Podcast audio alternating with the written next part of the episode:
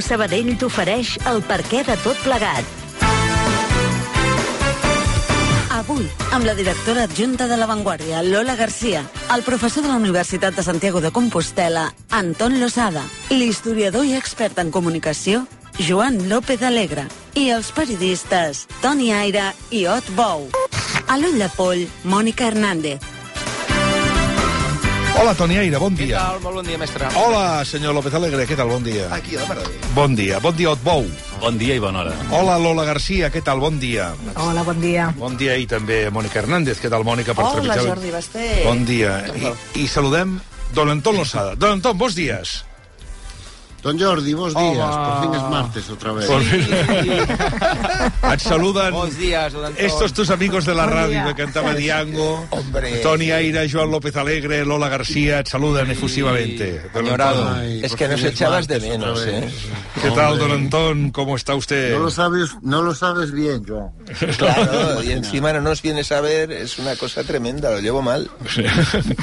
A mí siempre que me invitan voy. Sí, Pero es don Jordi puede, puede dar fe. Eh, doy fe, sí senyor. Si doy tu me dices bien. Hem, Hola, hem, hem, Lola. hem tenit... Hola, Lola. Hola, hola, hola. hem, estat, Hola, hem estat escoltant, a- sentint l'Anton durant tota la campanya electoral, durant 15 dies, una píndola diària parlant de les eleccions de Galícia, que ara eh, passarem a comentar d'aquí uns instants, però eh, em consta, em consta que a Madrid s'ha rebut amb molt bona... amb un somriure... Quan dic a Madrid em refereixo a... al govern d'Espanya. Amb un somriure la notícia que avui treu el diari El País sobre Suïssa. Ja. Recordeu que el jutge... A mí también me consta, ¿eh? Sí, sí, també te consta, Anton? Sí. Sí, sí, no, no, es veu que... mucho, sí. sí, sí, que es veu que... que, que han quedat, eh, es veu que el, el govern d'Espanya va quedar molt sorprès quan, quan es va assabentar d'aquesta notícia que publica el país, que, que són els arguments que esgrimeix l'Oficina Federal del Ministeri de Justícia de Suïssa per negar-se a col·laborar amb... Estem parlant d'un jutge, eh? De García Castellón, qüestiona que aquest jutge tingui prou proves per incriminar Marta Rovira, és més, en la seva resposta, Suïssa posa deures al magistrat i diu literalment ens agradaria saber la relació exacta entre la senyora Marta Rovira i les manifestacions que constitueixen els fets de la petició. És important destacar la implicació precisa de la senyora Rovira en l'exposició de, de raons. Clar, aquesta petició de les autoritats de Suïssa planteja una pregunta. Quines proves ha portat García Castellón per justificar que investigui la secretària general d'Esquerra? Doncs d'una banda sospita d'ella perquè va participar en una reunió a Ginebra amb Carles Puigdemont. García Castellón creu que en aquella trobada haurien parlat de crear el tsunami democràtic, tot i que admet que no ho pot demostrar. L'altra prova és que només va trigar 3 minuts a retuitejar el primer tuit que va publicar el compte del Tsunami Democràtic. I segons el jutge, això demostraria que ella ja n'estava al cas. En, és a dir, perquè ens entenguem, eh? En, els indicis contra Marta Rovira són un retuit de 3 minuts i el contingut d'una reunió que ningú, ni el mateix jutge, sap si es va produir o no es va produir, no? Llavors l'Oficina de Justícia de Suïssa entén que no queda clara la pertinença de Marta Rovira al, al tsunami democràtic, aquesta frase és literal, eh? No queda clara la pertinença de Rovira al tsunami democràtic. A més, recorda el jutge que l'any 2020 Suïssa ja es va negar a col·laborar en aquest cas perquè sospita que al darrere s'hi amaguen components polítics. Aviam, Lola García, Lola, què dius? Doncs que efectivament el govern està molt content amb aquesta, amb aquesta notícia. Eh, no sé fins a quin punt això tindrà conseqüències, eh, per exemple, al Tribunal Suprem, no? que és on arribarà tot això. Eh, tinc la impressió que s'agafaran el redactat mm, literal del Codi Penal que si te'l llegeixes sobre terrorisme doncs allà entra mm, gairebé tot.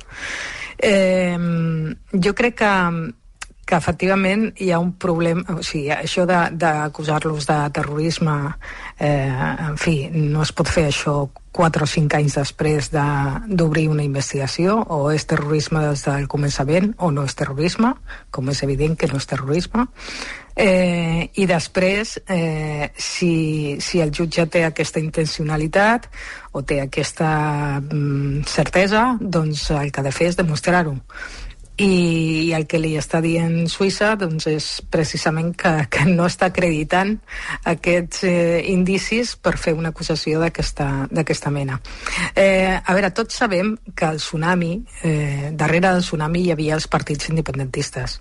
Això políticament se sap i els que hem, hem, hem seguit el procés durant molts anys, vosaltres i nosaltres, sí, sí, els periodistes, eh, ho sabem perfectament i que, i que de fet es va constituir aquesta mena de plataforma precisament perquè, perquè no es descontrolessin els, els aldarulls del, o sigui, del control polític, d'alguna manera.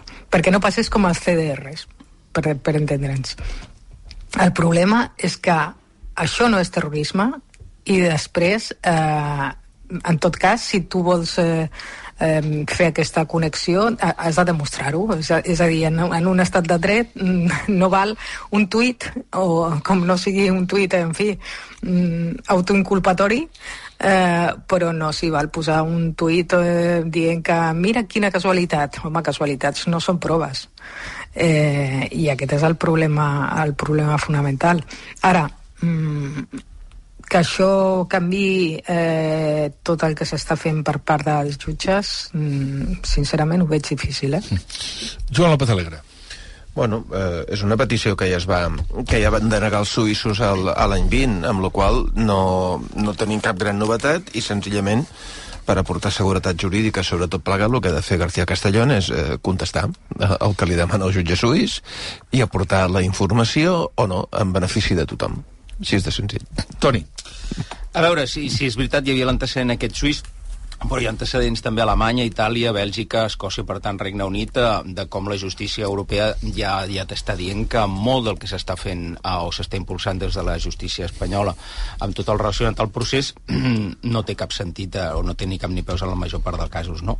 Així com hi havia allò de la comptabilitat creativa, jo crec que a Espanya hem descobert que hi ha la justícia creativa i prospectiva en molts casos, però clar, això de, de, del moment internacional jo crec que a veure, que, que resol poca cosa de moment, perquè en, en un primer terme sempre estarà la justícia espanyola, i ara, per exemple, hi ha el senyor Marchena ja esperant el Suprem, no? Mm, per tant, jo crec que aquest és el problema. Tot, hi ha molta gent que encara, a dia d'avui, si no resol eh, ajustadament eh, la qüestió política, el que va passar el, el 2017 i en endavant, durant el procés, haurà de passar per uns processos judicials, que, escolta, entre tu i jo, els Jordis, els Jordis quan es van pujar damunt d'un cotxe, oi que tothom veia que jo tampoc no era rebel·lió, ni sedició, ni res això, però els van tenir dos anys de, de presó preventiva. Uh, Otbou. A veure, uh, primer de tot, d'acord amb el Toni, és a dir, no, hi ha, no, no, no dista tant el que ha dit la justícia suïssa del que han dit moltes altres justícies europees el, els últims sis anys d'exili, no? Després, eh, el, el PSOE potser està content per la resolució aquesta, però també pot estar content Núñez Feijó, perquè eh, és el mateix que va dir famosament a 16 periodistes a micròfon tancat que no hi havia terrorisme.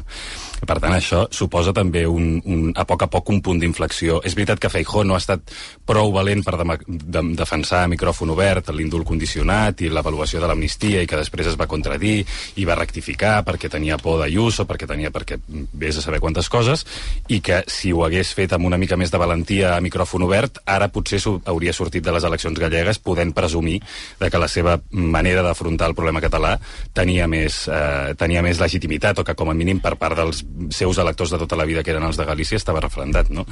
Um, però bueno, a poc a poc es va consolidant un, un, un canvi de marc de fons en les coses que es poden acceptar en el relat polític i les que no. I que no hi va haver terrorisme, mm, que és una evidència, comença a, a, a ser normalitzat. No? Um, de tota manera, no hauríem de perdre de vista l'experiència Llarena, que és que i, i l'experiència Llarena i l'experiència Castellón i l'experiència Aguirre, que és el missatge permanent de la justícia espanyola, que ells sempre trobaran l'escletxa i sempre trobaran el mecanisme perquè no hi hagi cap mena de seguretat jurídica per l'independentisme, ni pel catalanisme, ni, cap, ni, ni per cap eh, ideologia nacional, diguem-ne, que, no, que no els sembli acceptable. I aquest és el gran problema encara avui, que el president Puigdemont, per més victòries que tingui, el, el president Puigdemont i la resta d'exiliats, per més victòries que tinguin a l'exili, sigui on sigui, mai no tindran la certesa que poden tornar amb garanties per la seva seguretat física i per la seva seguretat política. I aquest és el problema de fons. Passi el que passi a la justícia europea.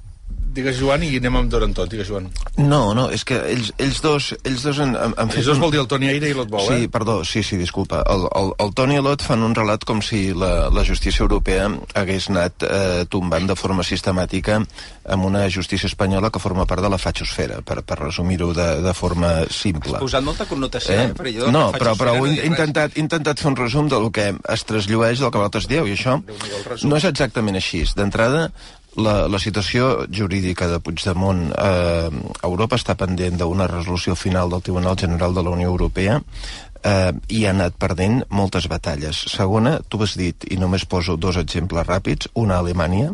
Alemanya li va concedir una extradició de Puigdemont a Llarena, només que ho feia només per una part dels delictes, i Llarena va dir no, lo quiero todo o no lo quiero. Itàlia, Per una part dels delictes no, eh? Per malversació. eh, per, per una part dels delictes que Sí. tenia és que- és que el presumptament, presumptament delicte que l'acusava principalment era rebel·lió. Itàlia, el que va dir la jutgessa eh, de Sardenya no era no, no, la justícia espanyola no actua bé, sinó que va dir, escolti, jo prefereixo opinar un cop s'hagi posicionat eh, al Tribunal General de la Unió Europea. Mm. I a partir d'aquí han anat caient una sèrie de murs jurídics de Puigdemont, que és una situació, i acabo, que és una situació que no s'hauria eh, produït i que a dia d'avui no estaríem parlant d'això si Puigdemont no hagués fugit Però jo- eh, de la justícia espanyola, perquè senzillament eh, en el seu moment s'hagués publicat un indult en el que el senyor Puigdemont també hi seria i per tant, davant de totes les tant, instàncies europees, moments- davant de totes les i per instàncies tant en aquests moments europea estem en una altra que li situació han Deixa'm demanat contestar una cosa molt ràpida. Que és que això, jo, eh? jo, jo, això que ha dit el Joan té una part de raó, però dibuixa el Una- que per una mi és la clau del que estem Gràcies. vivint. Sí, home, no et puc dir Gràcies. tota... tot, No, Un moment, un a vai. un, sisplau, molt per favor. Molt ràpid, simplement. Uh, tens una part de raó, però et deixes la principal. Quan la justícia europea constantment ha tombat les opcions d'extradició reals, ha sigut en clau de la desproporció del que es demana des de la justícia espanyola. I t'ho dic, i dic perquè, perquè igual com això de rebel·lió i sedició no veia ningú, ara ningú veurà això del terrorisme, que és una clara desproporció que depassa les fronteres de la, de La la justícia I és política, i és política anti, anti el procés, antiindependentisme, i ho veu tothom a Europa. Don Anton Lozada. No. Ay, cuánto echaba de menos esto. no lo temía. Bueno, yo, yo me agarro a lo que ha dicho Joan. eh, con esta noticia que conocemos hoy, pues la justicia española sigue reforzando su enorme prestigio en Europa, eh, de éxito en éxito hasta la victoria final. Eh, a mí me interesa la argumentación jurídica, ¿no? Porque yo no sé si es que solo iba yo a clases de derecho penal o la mayoría de los que iban en, la hora de derecho penal se quedaban dormidos. Yo recuerdo que en las clases de derecho penal nos insistía mucho en que en España, como en cualquier democracia, estaban prohibidas taxativamente por la ley lo que se llamaban las investigaciones prospectivas.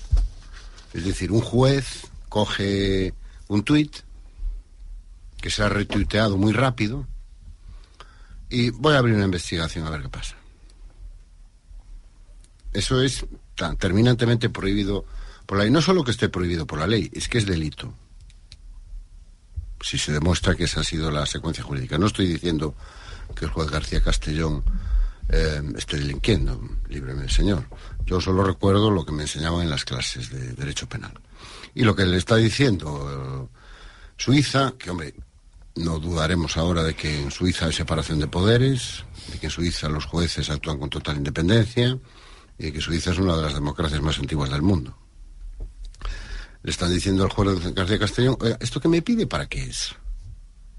Porque exactamente, ¿cuáles son sus pruebas? ¿Cuáles son sus... ¿Qué está usted investigando? Eso es, es que es, desde el punto de vista jurídico la respuesta es terrorífica. Terrorífica. O sea, es que esto lo que llama, debería llamar, es una intervención.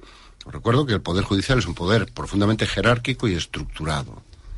Donde situaciones como estas, para eso existe el gobierno de los jueces, el Consejo General del Poder Judicial, todos estos organismos de los que tanto hablamos y que parece que no importan nada. Es decir, la respuesta de las autoridades suizas es demoledora para cualquier juez y para cualquier justicia democrática, porque es un país democrático, te devuelve un documento diciendo, mire, esto que me manda, exactamente qué es. ¿Qué está usted investigando? ¿Con qué pruebas? ¿Cuál es el alcance de esa investigación? Dicho en Christian en, en Paladino. El gobierno, el- las autoridades suizas le dicen al juez eh, García Castellón que usted ha iniciado una inve- investigación prospectiva a ver qué encuentra y nosotros no vamos a colaborar en esa. Si quiere que colaboremos con usted, mándenos una investigación penal que se ajuste a unos mínimos estándares de derecho penal democrático. Esa es la lectura que yo haría. Después está la lectura política, efectivamente. Si yo fuera el gobierno de España, pues también estaría relativamente satisfecho. Y hoy es el día ideal para salir en, en la rueda de prensa del Consejo de Ministros y alabar la tradición democrática de Suiza, ¿no? como una de las democracias más antiguas del mundo. Són les 9.26, Toni? No, jo crec que, que aquí jo crec que tindrem recorregut perquè més que res amb, amb aquestes, eh, ho deia bé abans Lot, que eh, a Espanya jo crec que s'ha vestit un relat eh, polític, mediàtic, judicial eh, en el qual hem caigut amb una, amb, una, amb una espècie de ficció brutal sobre el que va passar aquí a Catalunya. Um, L'independentisme català, una part de l'independentisme critica que el que va passar aquí el 2017 va ser tot poc menys que una, que una pantomima, però a Madrid ho van voler exagerar eh, i elevar a, molt al contrari, no? És a dir, com a una, una espècie de, um, això, cop d'estat, el que ens han dit en més d'una ocasió. Eh, I això ho ha respirat una política desmadrada, és a dir, sense cap tipus de, com diria Joan Clos en el seu dia, amb sense aturador, eh, i, amb, i amb una judicatura i uns mitjans de comunicació que molt sovint no només han seguit l'estela dels partits polítics com Vox, Ciutadans o PP, sinó que han, set, han, han estat, diguéssim, la, su avanzadilla, han anat per davant. Jo crec que això en algun moment s'ha de desmuntar i veurem els propers temps, que hem, que hem pensat un cicle electoral ara a, a Galícia, ara vindrà el País Basc, després vindran les europees, doncs sortirem amb reflexions que hauran de fer els partits. Crec que el PSOE avui, avui ja està amb reflexions, en reflexió vàries. El PP també haurà d'arribar a les seves conclusions, perquè jo crec que després de guanyar les gallegues, cosa que don Antoni ja ens explicarà, però que era, entrava dins del molt probable, també han de pensar, en certa manera, eh, si la seva solució per a Espanya és, per exemple, guanyar per majoria absoluta o no governar mai. Eh, per tant, també hauran d'acabar modulant en algun moment el seu discurs i jo crec que això passa prèviament perquè hi hagi una resposta a l'ofensiva judicial. Uh, Mònica. No, recollint el que deien el Toni i l'Ot, que no és la primera patacada que rep la justícia espanyola, però clar, el jutge García Castellón de, ja ha demostrat que per activa i per passiva eh, continuarà amb aquestes investigacions prospectives. Per tant, no crec que serveixi per aturar res. Sí que és una bona notícia, potser pel govern espanyol, i més 48 hores després també dels resultats a Galícia, que no han estat bons per Pedro Sánchez, segurament li permetrà agafar aire, també tenint en compte que l'amnistia hi pot haver jugat un paper en aquests resultats a les eleccions gallegues, però crec que aquest magistrat eh, continuarà. Veurem com acaba. I sí que estic d'acord amb tu, Toni, en què tant el PP com el PSOE han de fer una reflexió després de les eleccions gallegues. També hem de tenir la mirada posada en Euskadi, però crec, crec sobretot que el Partit Socialista potser s'ha centrat molt en mantenir la Moncloa, amb aquest lideratge Ah. ferri de Pedro Sánchez, i no ha escoltat prou al territori, no ha tingut prou antenes, i potser sí que ha mirat a Catalunya a resoldre tot el tema del procés, però la demostració és que Galícia no han parlat de Galícia, han tingut un líder que a més eh, no estava consolidat, no li han donat prou marge, per tant crec que la reflexió primera l'ha de fer el PSOE, tot i que avui el Partit Popular també es reuneix amb executiva per veure què, què passa a partir de, del gran resultat que han obtingut a les eleccions gallegues. No oblidem. que parlant de terrorisme, és que, és que ho, ho llenço aquí, a, és que clar, ara per al terrorisme la llencem aquí amb una facilitat, el, bàsicament aquest jutge. L'altre dia van, van sacsejar el cotxe d'un president autonòmic A Múrcia. de Fer, a Múrcia, de Fernando López Miras, i no ha passat res. O sigui, Sí, però no és, pagesos... eh, ha d'haver-hi una intencionalitat de subvertir l'ordre constitucional. És a dir, no qualsevol aldarull, eh? eh jo no, no, no sostenc que, que sigui terrorisme en cap, en cap Para cas el el tema del de procés, però no, perquè hi eh. hagi... Para el delito, No. Eso es para la sedición. Pero para el Ja, delito però, de terrorismo però no, no. no, per un des, no per uns desordres que tenen una finalitat social. Ya, ya, en eso Han de tenir una finalitat política. Claro. Per sacsejar el cotxe del president de la comunitat autònoma? Home, no té una finalitat política. Bueno, sí. A veure, tot això ve de la... Bueno, sí. Tot això, tot això, Tot és política a la vida. Claro, però, claro, però, Lola. en fi, però estem parlant del Codi Pero- Penal. eh? tot això ve de la es que no es una cuestión de que tenga una finalidad política, es una cuestión de que tiene usted es que ser coherente con sus criterios. Entonces, si, si mover un- el coche de un presidente o de un juez es delito de terrorismo en Barcelona, también lo es en Murcia o en Coruña. Y si no lo es, no lo es ni en Coruña, ni en Murcia, ni en Barcelona. El que passa és que tot això té un origen molt clar, que se n'hauria de parlar més sovint, que és la reforma del Codi Penal del 2015. Sí, és que aquest aprovada és amb majoria absoluta és per, per... Perdó, perdó, amb una cosa que ara em diu que és que em presenta la redacció del Planent, que té raó, que diu que el tsunami demanava a l'Estat, recordeu quin era el lema, eh? Si ten toc.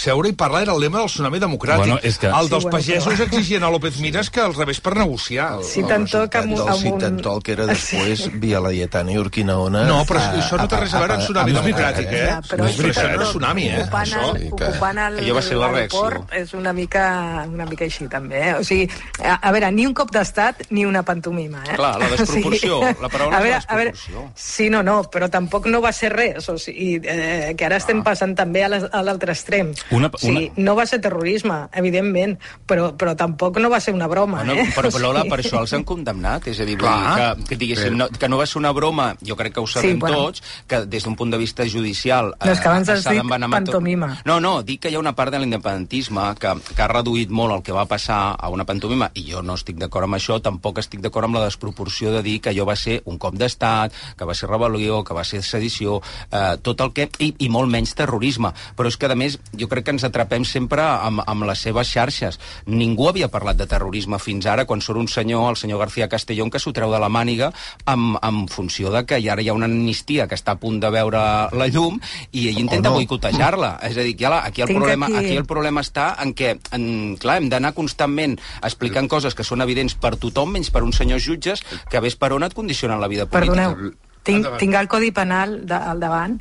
Eh, es- se considerarán ter- delitos de terrorismo la, la comisión de cualquier delito grave contra la vida, la integridad física, la libertad, la, eh, en fin, mm, una sèrie de coses, amb les següents finalitats. Subvertir l'ordre constitucional o suprimir o desestabilitzar greument el funcionament de les institucions polítiques o les estructures eh, econòmiques o socials de l'Estat i posa una sèrie, alterar gravemente, gravemente la paz pública, en fi, una sèrie de coses. O sigui, ja... A, a, a, en fi... No, si, si volen agafar, sí, no des- desestabilitzar. Empenyar el cotxe, empenyar el cotxe d'un senyor en una protesta, d'un d'un president en una Es protesta... alterar no, no gravemente, es alterar sí, però amb gravemente aquesta la paz pública, sí. La paz pública. És que el problema és... El problema és És que si et vols enganxar, et pots enganxar amb tot. Clar, el problema és que el Codi Penal de aquesta 2015, finalitat. el, el problema és que el Codi Penal de 2015 deixa un marge d'interpretació Sí, als jutges perquè decideixin què és terrorisme i què no és terror- terrorisme en funció de la intencionalitat, que és una cosa una- que considera el jutge mm, amb la seva llibertat i que, que és el que està passant amb García Castellón, extraordinària. Llavors veure, aquí... El, ni, Però- ni, ni, ni tot, eh, efectivament el, el Codi Penal es va ampliar perquè, perquè teníem una situació de, de suport social, diguem-ne, al terrorisme, al terrorisme d'ETA, bàsicament, que va provocar que tot això eh, s'amplifiqués d'una manera...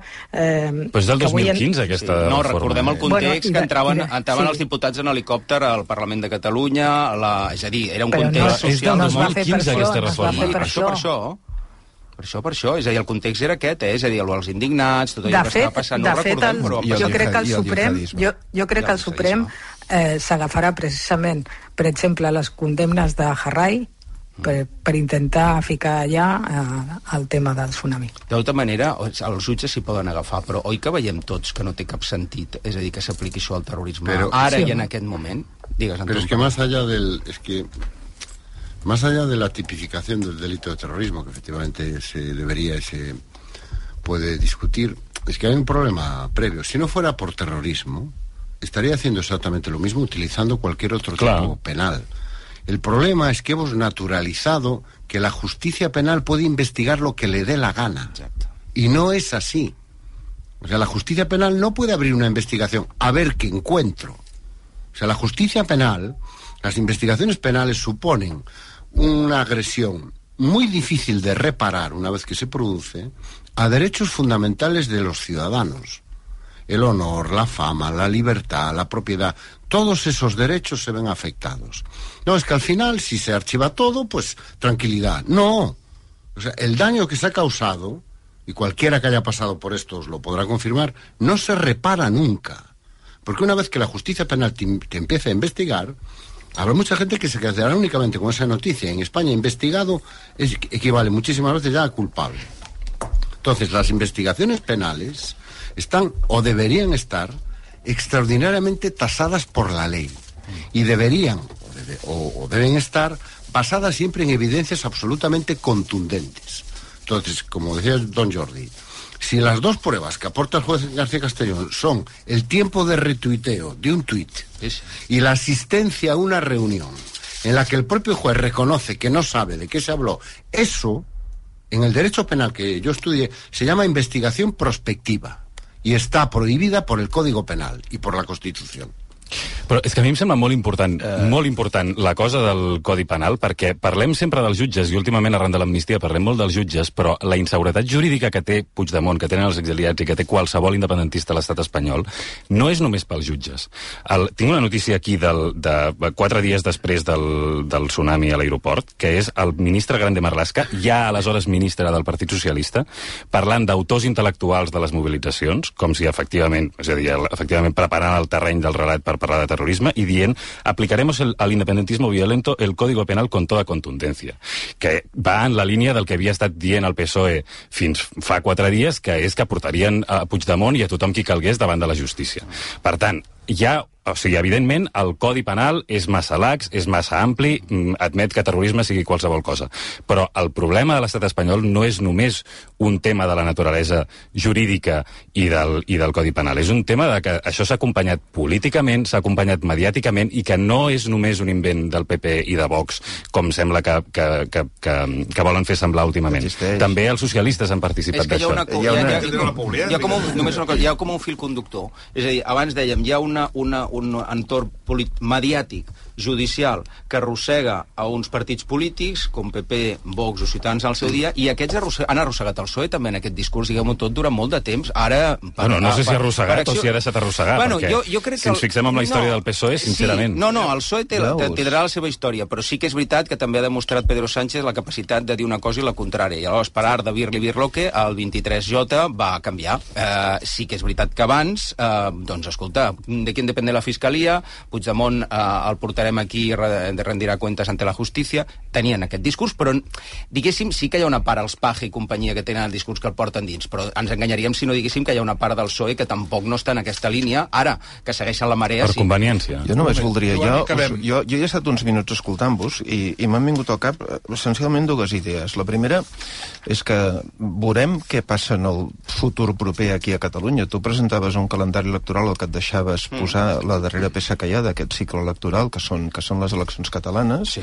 i connectant amb una cosa que ara deia Lot, que fins no fa gaire a Grande Marlaska el PSOE deia que portaria Puigdemont aquí a fer, per cert, lo normal, que és a rendir comptes davant de la justícia, com fa qualsevol ciutadà. Sí, home, però estem a Europa, eh? Ell es presenta a Europa, eh? al davant de la justícia europea. molta estona. Semos Europa. Gràcies. Sí, home. eh, el, el Partit Socialista ha tingut fins, fins a aquest moment aquest relat i aquest relat li va servir al Partit Socialista per dues coses molt importants a Catalunya. Una perquè Salvador Illa fos la força més votada a les darreres eleccions catalanes i l'altra perquè el Partit Socialista obtingués el segon millor resultat a la seva història després del que va obtindre la, la, la per tots enyorada Carme Chacón. I van ajudar altres coses. Després, de, després acabar, dels indults, això, Joan. Puc acabar, sisplau? Uh, jo crec que serà molt interessant per, per tots els catalans veure, a partir d'aquest canvi de relat del Partit Socialista que ara celebra que un jutge suís no vulgui col·laborar amb un jutge espanyol, si la ciutadania catalana segueix donant aquesta mena, aquesta mena de suport. I la segona idea que em ve al cap escoltant-vos tots aquests minuts és que en realitat esteu reconeixent vosaltres que Puigdemont i altra gent, com Marta Rovira, han comès una sèrie de delictes i el que estem discutint no. és si aquests delictes no. són terrorisme o no. Perquè no, és una no. mica el que vos discutiendo Aquesta es la Mira, molt ràpid, molt, juez. mira, molt ràpid. Joan, se t'ha fet llarg, però han sigut els mateixos minuts que t'hem escoltat ara nosaltres a tu, i no passa res, però una cosa, aquests resultats que tu dius que li, van, que li van venir al PSC, sí, sí, ja veuràs, i no Mare- passa res, tu talles quan vols i és una tertúlia, Toni. això no passa res. Llavors, molt ràpid, ara mira, ara estic intentant articular un discurs i no em deixa acabar. Això que tu atribueixes als resultats electorals del PSC, tan fantàstics, perquè estaven alineats amb una línia que t'agradava, jo et diré, els millors resultats històrics del PSC els ha tingut en Pasqual Maragall amb una línia catalanista indubtable.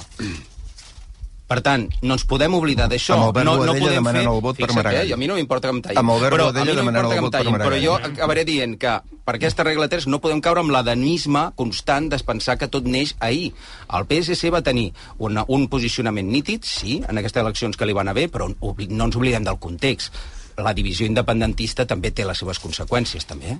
Que, a més, aquí a Catalunya tornem a ser el salmó de tot l'estat espanyol. Mirem com retrocedeix el socialisme a tot Espanya i aquí a Catalunya, us heu fixat que és l'únic lloc que sembla que, que tirarien cap endavant? No és només cosa seva, el context hi fa. Yo únicamente a beneficio de claridad, que quede claro. Aquí yo lo que estaba discutiendo no es si se habían cometido esos delitos o no, que esos hechos fueran delitos. Yo lo que estoy discutiendo es que el juez, y lo que estoy afirmando es que el juez ha puesto en marcha una investigación prospectiva para encanjar a machetazos unos hechos en un tipo penal. Molt breu, tres coses per acabar. Um, que, bueno, per acabar, perquè m'ho dius, eh? No perquè vulgui matar la conversa. Uh, primera, um, uh, perquè el que, abans el Joan deia que a Alemanya havia caigut només la rebel·lió, però no el delicte de malversació. No només el que et deia jo abans, Joan, que és que uh, el delicte principal era el de rebel·lió, sinó que això, precisament, el que ens marca és una pista del que pot passar a partir d'ara, en la línia del que deia l'Anton abans, que és que uh, uh, això va obligar el jutge Llarena a canviar tota la, tota la seva tota la causa i passar-ho al delicte de sedició perquè no volia tenir el suposat líder d'una rebel·lió no sent jutjat per allò i tots els altres, eh, tots els, diguem-ne, inferiors jeràrquicament a ell, jutjats per això. Després, eh, podem qüestionar el, la importància de Bèlgica o que Bèlgica sigui un estat de dret o que la justícia belga funcioni. Mm, Les institucions, bona part de les institucions europees estan allà. Uh, bueno, ho dic perquè abans has fet com una insinuació com si el, el fet que la justícia belga hagi desestimat no tan sols l'extradició, sinó que, per exemple, en el cas de Lluís Puig, uh, diguessin que no se l'extradeia perquè hi havia seriosos dubtes sobre que a Catalunya o a Espanya se li pogués fer un judici just i un judici amb imparcialitat política. Eh, eh, No, no, podem no. qüestionar que Bèlgica sigui un estat de dret o no, però llavors No, no, suposo que no hem de, qüestionar. hem de qüestionar els fonaments mateixos de la Unió no, Europea. Que no et vull interrompre. Jo no ho he qüestionat en absolut. Només he fet la consideració de que la justícia belga té el mateix valor que la justícia espanyola. És una justícia d'un dels 27 estat membres. Punt final. No, no, no, Punt i no final. l'he qüestionat. 9 i 42 minuts.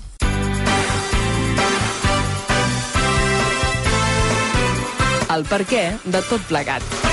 Tres quarts tocats de 10 del matí i anem al tema de Galícia, per tant començarà Don Anton Losada. Don Anton, eh, una pregunta, aviam. Si haguessis de fer una crònica improvisada del que va passar diumenge a Galícia, què em diries?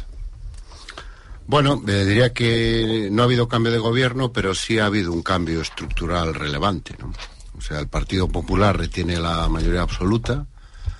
Después de haber rectificado su estrategia de campaña a mitad de la carrera y volver al modelo de campaña que le ha permitido revalidar varias mayorías absolutas continuadas, que es reemplazar al candidato Rueda por el candidato Feijó, de forma que yo creo que muchos votantes del PPDG fueron el domingo a las urnas con Feijó en la cabeza y no con Rueda, olvidarse completamente de los temas de política española y de política estatal eh, y centrarse en lo de aquí y sobre todo señalar el peligro inminente de la llegada del terrible nacionalismo del BNG bajo la sonrisa dulce de Ana Pontón, aunque eso le permite dos cosas. Uno, activar el voto del miedo, pero sobre todo activar el voto identificado con el PP, porque es una cosa que desde Galicia la gente no, desde fuera de Galicia mucha gente no entiende, ¿no? El PP es el partido mayoritario aquí.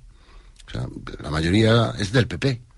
Se identifican con ese partido, es su partido, y quieren que gane su partido. Em, pero sí se produjo un cambio estructural en el sistema político gallego, que es que la alternativa al gobierno popular, al gobierno de la derecha, ahora es el nacionalismo.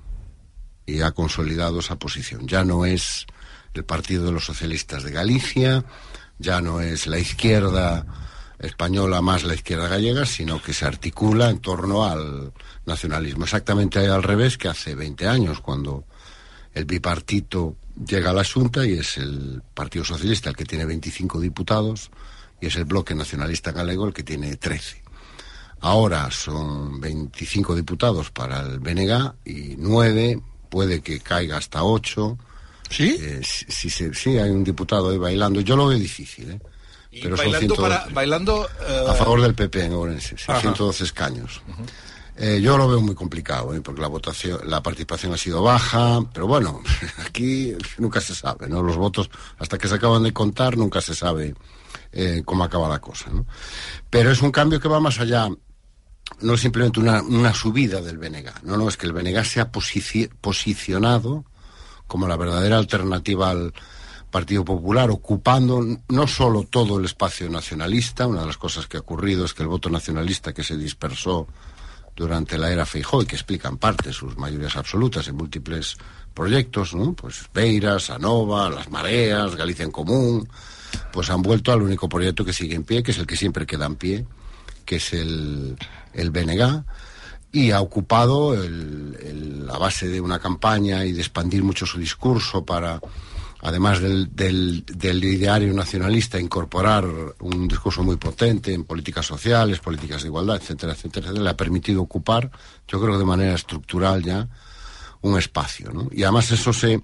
Hay una cosa que se está comentando un poco, que, pero para mí como politólogo es la lectura, o una de las lecturas más interesantes de lo que pasó eh, el domingo, ¿no?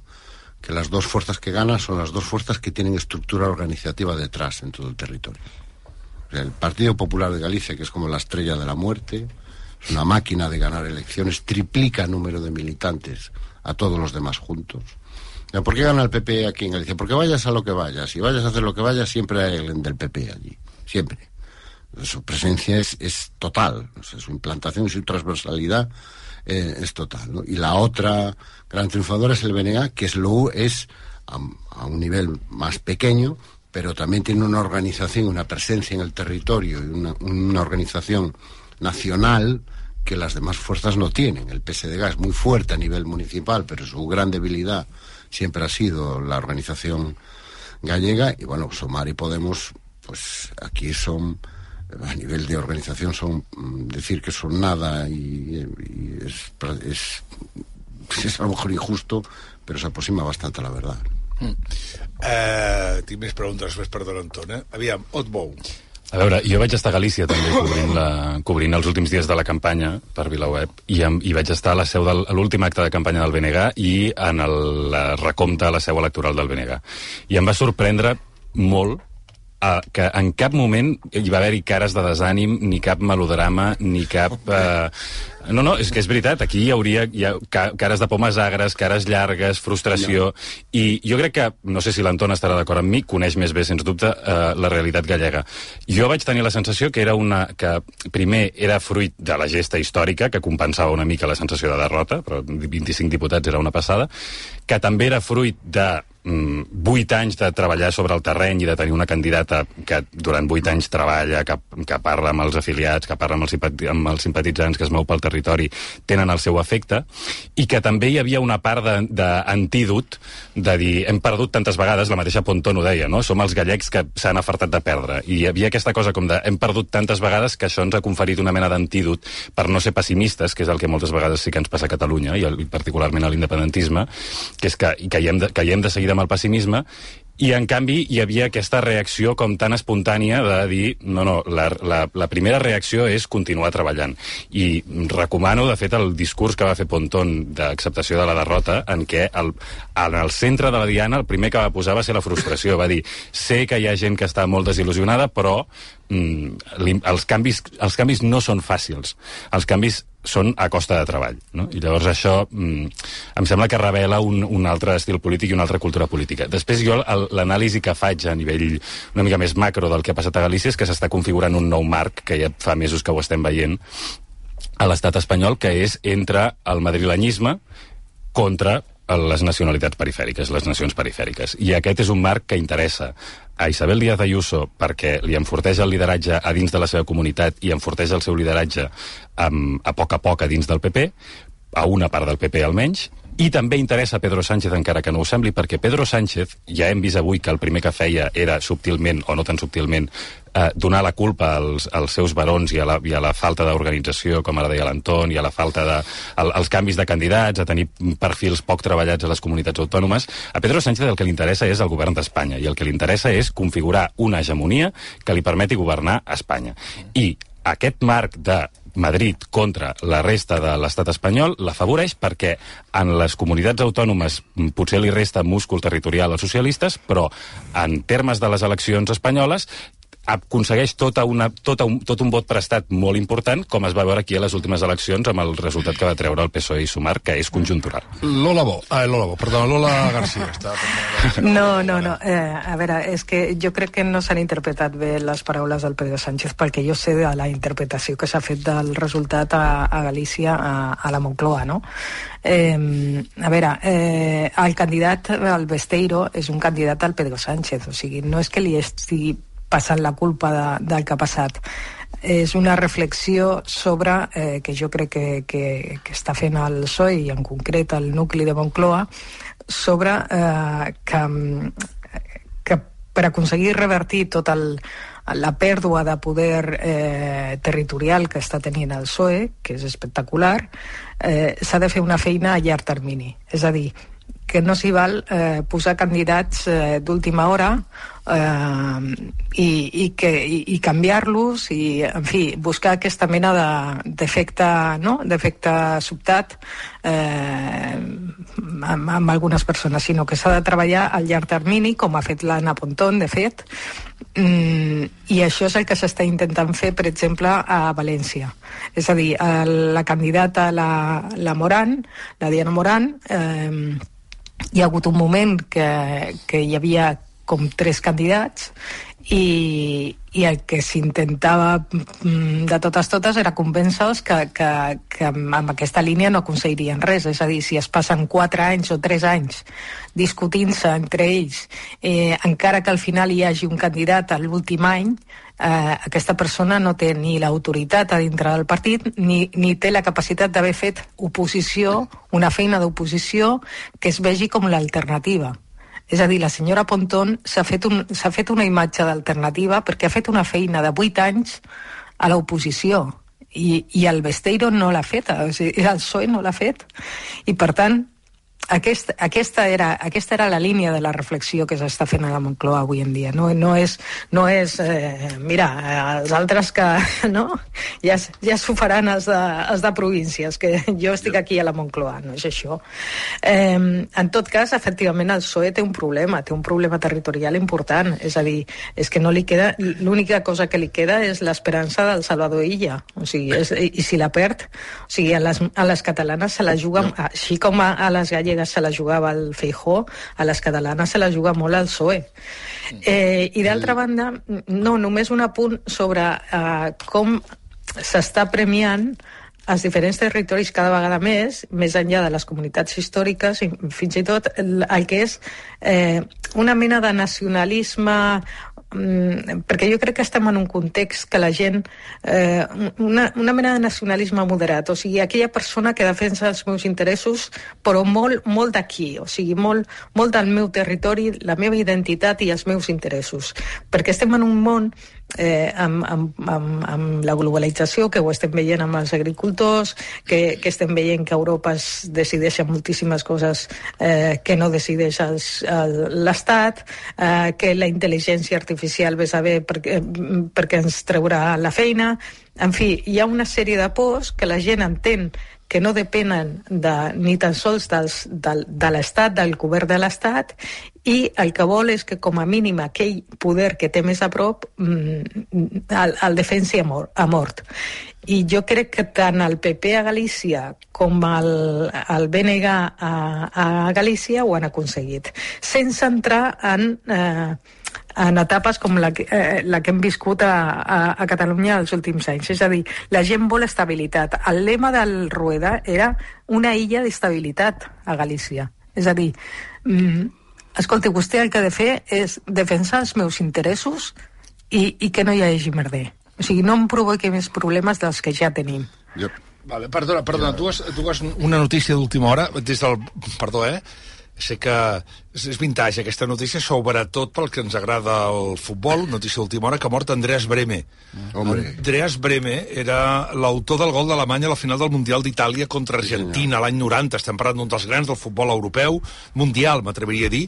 Era jove, tenia 63 anys, i havia jugat sobretot eh, al Kaiserslautern alemany, però també a Itàlia, a l'Inter, i fins i tot, ara m'ho recordo l'Albert Sort, és veritat, va jugar una temporada al Saragossa. Estem parlant d'Andrés Breme, eh, que repeteixo a mort. I, ara, I després m'aniré cap a una zona de Catalunya, on està passant un fet que avui explicàvem a, als apunts aquí al món RQ, que ens hem quedat de pasta de moniato, però anirem a un lloc que ens ho expliquin exactament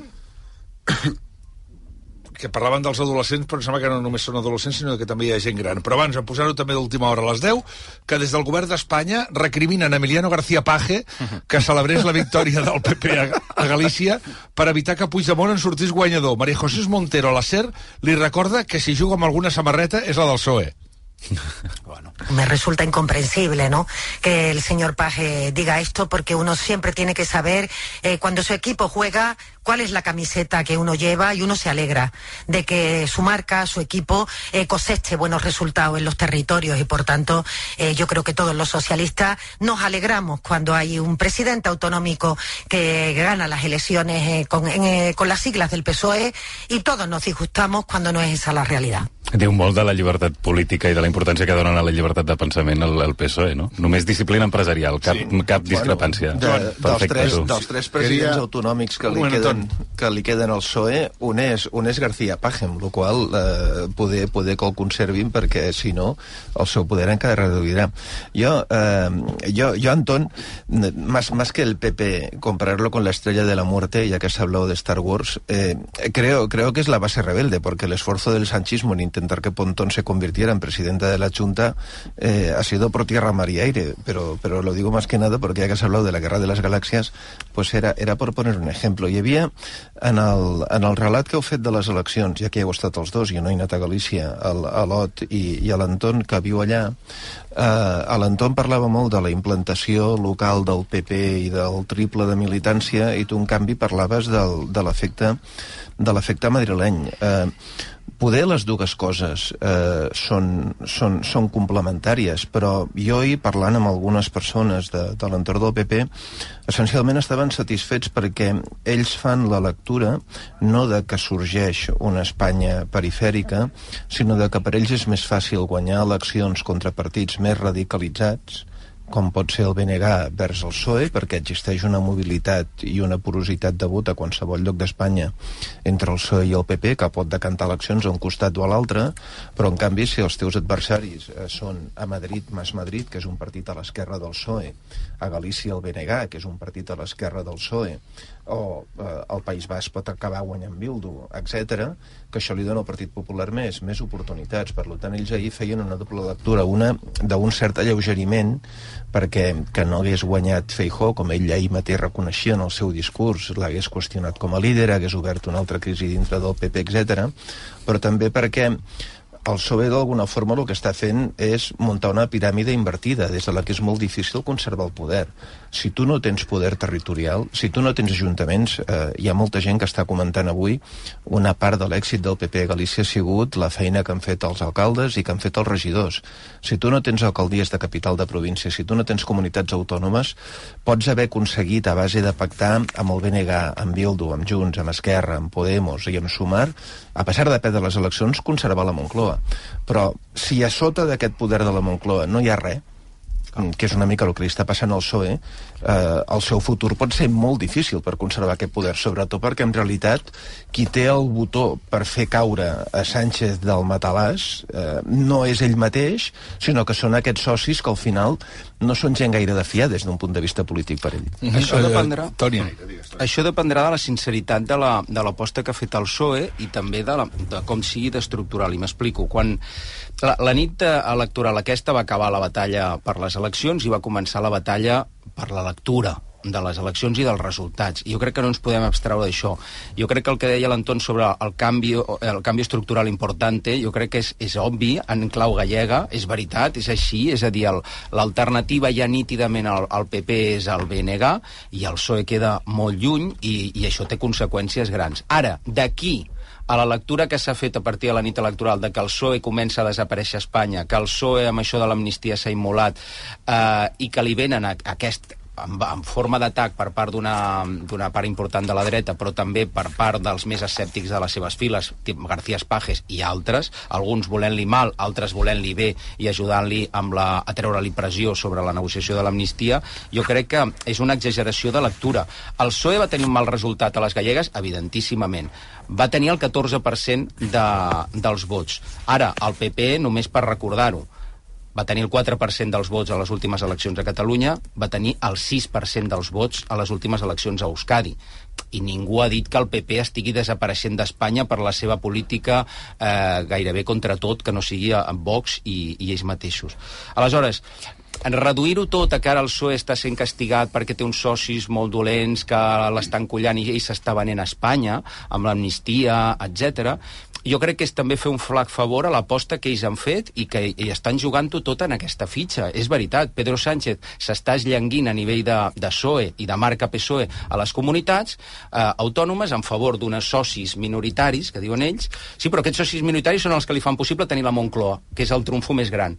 Eh, per ells, en clau PP-PSOE, no ens enganyem. Sí que és veritat que això, sense l'acompanyament territorial, és pan per hoy, hambre para mañana, i per tant haurà de treballar sobre consolidar la seva posició i que s'entengui el seu relat, però per això hi ha de creure i ha d'anar a totes i fer menys, diguéssim, jocs de, de trilerisme o jocs de màgia amb els, amb els socis, com durant un temps li ha donat resultat, però ja li van advertir la passada legislatura que no li donaria molt de resultat. Només una cosa, el PSOE ja venia de molts mals resultats abans de les gallegues. Venia de molts jo... mals resultats a les generals espanyoles, recordem-ho tot, per això avança, perdona, a les municipals i autonòmiques, per això avança unes eleccions generals, i hi van a molts mals resultats, i segueix ara amb mals resultats, ells i els seus socis a l'esquerra del Mònica Hernández i el Don Anton per, per acabar aquest tema, perquè crec... vull, anar a aquell, vull anar a aquell lloc i vull parlar de, de, vull parlar d'adolescents després. Quin lloc? Ja ho veuràs, ja. Ai. Tira, tira, ja Mònica, perdona. No, crec que la reflexió del PSOE no només passa pel debat territorial, sinó que també és interna, perquè deien Pedro Sánchez quants presidents de comunitat autònoma té. Un és molt discut, és el senyor Paje, que és un baró que estaria en contra. Llavors, crec que ha de, ha de consolidar el discurs intern i d'aquí la feina que han de fer l'executiva i, com dèiem, el debat territorial. I la clau, per mi, ara passa per Catalunya, per les eleccions catalanes, ho deia la Lola. És on el PSOE s'hi juga molt, per veure si després pot continuar o no mantenint aquest gran premi, que és la Moncloa, que sembla ser que és l'únic interès que té Pedro Sánchez. Eh, eh, don Antón, digas. Bueno, yo, es que, claro, hay tantos temas. Uno, yo recuerdo cuando las elecciones municipales de mayo, no sé si os acordáis, que la lectura era que el PSOE tenía unos varones fantásticos que habían gobernado muy bien Sí. Sí. y que la culpa era de Pedro Sánchez. Después llegan las generales y resulta que eh, Pedro Sánchez retiene el gobierno de Madrid. Y ahora resulta que ya no hay varones, ya no hay líderes eh, regionales en el Partido Socialista. Pues resulta cuando menos, a mí por lo menos me resulta sorprendente. O sea, no, no lo acabo de entender muy bien. A lo mejor los resultados que está obteniendo el PSOE, yo no voy a decir que no tenga una responsabilidad Pedro Sánchez, pero a lo mejor tiene que ver con lo que ha hecho el PSOE en esos territorios, en la oposición y en el gobierno. A lo mejor en Valencia no gobernaban tan bien como ellos creían. O en Aragón, Lambán, estaba tan ocupado en opinar de política española que a lo mejor se le olvidó que gobernaba Aragón, puede ser. ¿eh? En el caso de, de Galicia es que el Partido Socialista, a mí el, el resultado del Partido Socialista me parece un milagro, porque han estado cuatro años ausentes. Es que mm, desde que Pérez Touriño pierde la presidencia de la Junta, la secuencia del PSOE ha sido, elegimos un candidato, normalmente entre una profunda división interna. Ese candidato se estrella. La noche electoral dice que va, es el inicio de un proyecto y esto necesita tiempo y tal. Al año se lo han cargado, han puesto otro portavoz que a veces acaba como candidato y a veces no, y comparecen en las siguientes elecciones con otro candidato. Y así desde el 2009 que tengas el 14% del voto, a mí sinceramente me parece milagroso. Raó, però, milagroso. però, però el Sánchez també és secretari general del Que sí, PSOE. que sí, que pero- pero, Responsabilitat sobre, sobre Pero això hay que, ser, també. hay que ser Sí. coherente en los argumentos. O sea, si en, si en- o sea no, no le puedes atribuir el mismo efecto a la vez. No, es mortal para el poder autonómico, pero sin embargo, gracias a él gobernamos en España. Pero o es bueno o es malo, pero, pero no puede tener esos efectos ambivalentes. ¿no? Después, el, el partido, el, el- eh, había tanta tranquilidad en la sede del BNG, bueno, primero porque efectivamente, y yo que militamos en organización, lo de perder lo tenemos ya muy interiorizado, no nos ponemos nerviosos, pero porque por primera vez el tiempo corre a favor del BNG. Porque solo en la voz de Galicia hoy publica unos mapas muy interesantes, si tenéis tiempo de cómo se ha distribuido el voto, muy interesantes, ¿no? Que es que el, el BNG gana en las rías, que es donde está la población más joven y la población más activa. Y el Partido Popular ha conseguido retener la mayoría absoluta gracias a generar una movilización brutal en, la zona, en las zonas más rurales, en los ayuntamientos más pequeños. Estas elecciones no las han ganado ni Feijó ni Rueda, las han ganado los alcaldes del PP, que se han activado como si fueran ellos los candidatos, como si fueran unas municipales. Y al Benegal lo que le ha sucedido, o sea, es peligroso porque desde, desde, fuera de Galicia se hace mucho esta lectura. No, es que como ha caído el PSOE, sube el BNG. El PSOE ha perdido 55.000 votos. ¿Sabéis cuántos ha ganado el BNG? 180.000. Eso es lo que preocupa hoy en la sede del PP. Es, ¿Y esos 130.000 votos de dónde vienen? ¿De dónde son? ¿Quiénes son? Y si te vas a los preelectorales del CIS, por ejemplo, te encuentras, y no solo en el CIS, más encuestas, ¿no? Te encuentras con que dos de cada diez votantes del Partido Popular en estas elecciones, cuando le preguntan quién es el partido que mejor defiende los intereses de Galicia, van y dicen BNG. Y cuando le preguntan quién es el que defiende mejor la lengua y la cultura de Galicia, cinco de cada diez votantes del PP señalan al BNG. Porque la mayoría absoluta del Partido Popular de Galicia aquí se basa en que absorbió el espacio galleguista barra nacionalista de centro, más conservador, de centro, que es el que ahora está en disputa. Es que esto es lo que ha cambiado en Galicia. Las próximas elecciones no van, no van a ir de derecha a izquierda, van a ir de quién defiende mejor los intereses del país. Y ahí el BNG ya compite directamente. Estuvo, siempre ha competido. pero no compite muy eh? directamente con el. PP. No, no, pero es que, bueno, pero como estamos hablando de A, a Galicia... Catalunya, yo a, me Ca- cen- no, a, no, però a Catalunya també serà això, eh? O sigui, ha estat durant Sí, sí, 10 sí. anys eh, el tema De independentista hecho, i ara serà això. Era, era, era muy curioso ver cómo durante las- la primera parte de la campaña, aquí todo era Cataluña, Puigdemont, amnistía, Puigdemont, Puigdemont, amnistía. Por cada tres Cataluñas nos caía una Galicia. Y de repente, en mitad de la campaña, la amnistía desaparece, Puigdemont desaparece, Cataluña desaparece, y la estrategia de campaña del Partido Popular, pero además declarada por ellos, vamos a desenmascarar a Ana Pontón. Sí, transformar la De, noticia. de repente identifican que la alternativa, que el enemigo es el BNG. Y era tal, tan enemigo que han, han llegado a hacer cosas como publicar un vídeo con las siglas del PP, donde empieza con la cara de Ana Pontón y poco a poco la cara de Ana Pontón se va transformando en la de Arnaldo Otegi. Lobos con piel Han de hecho cosas que yo, yo hacía mucho tiempo que no veía. Por ejemplo, la víspera de las elecciones, no sé si os enterasteis de esto, todos los trabajadores del Servicio Galego de Salud recibieron un mensaje en sus móviles anunciándoles una subida salarial para el mes que viene. Una subida salarial que estaba pactada en abril del año pasado. Es decir, han llevado la máquina al máximo, porque han descubierto que, efe- que efectivamente el enemigo no era ni Puigdemont ni Cataluña, que Ana Pontón moviliza más aquí en Galicia. Es que ese es el cambio, y eso es estructural. Ana Pontón moviliza más al voto nacionalista y al conservador, al del PP, que Pedro Sánchez, Puigdemont y la amnistía juntos. Y el espacio de competición que se va a jugar en esta legislatura no va a ser izquierda-derecha. Va a ser quién defiende mejor los intereses del país. Bueno, quién no, no, representa Són les mejor 10 i 13 los minuts. intereses Un del moment, país. un moment.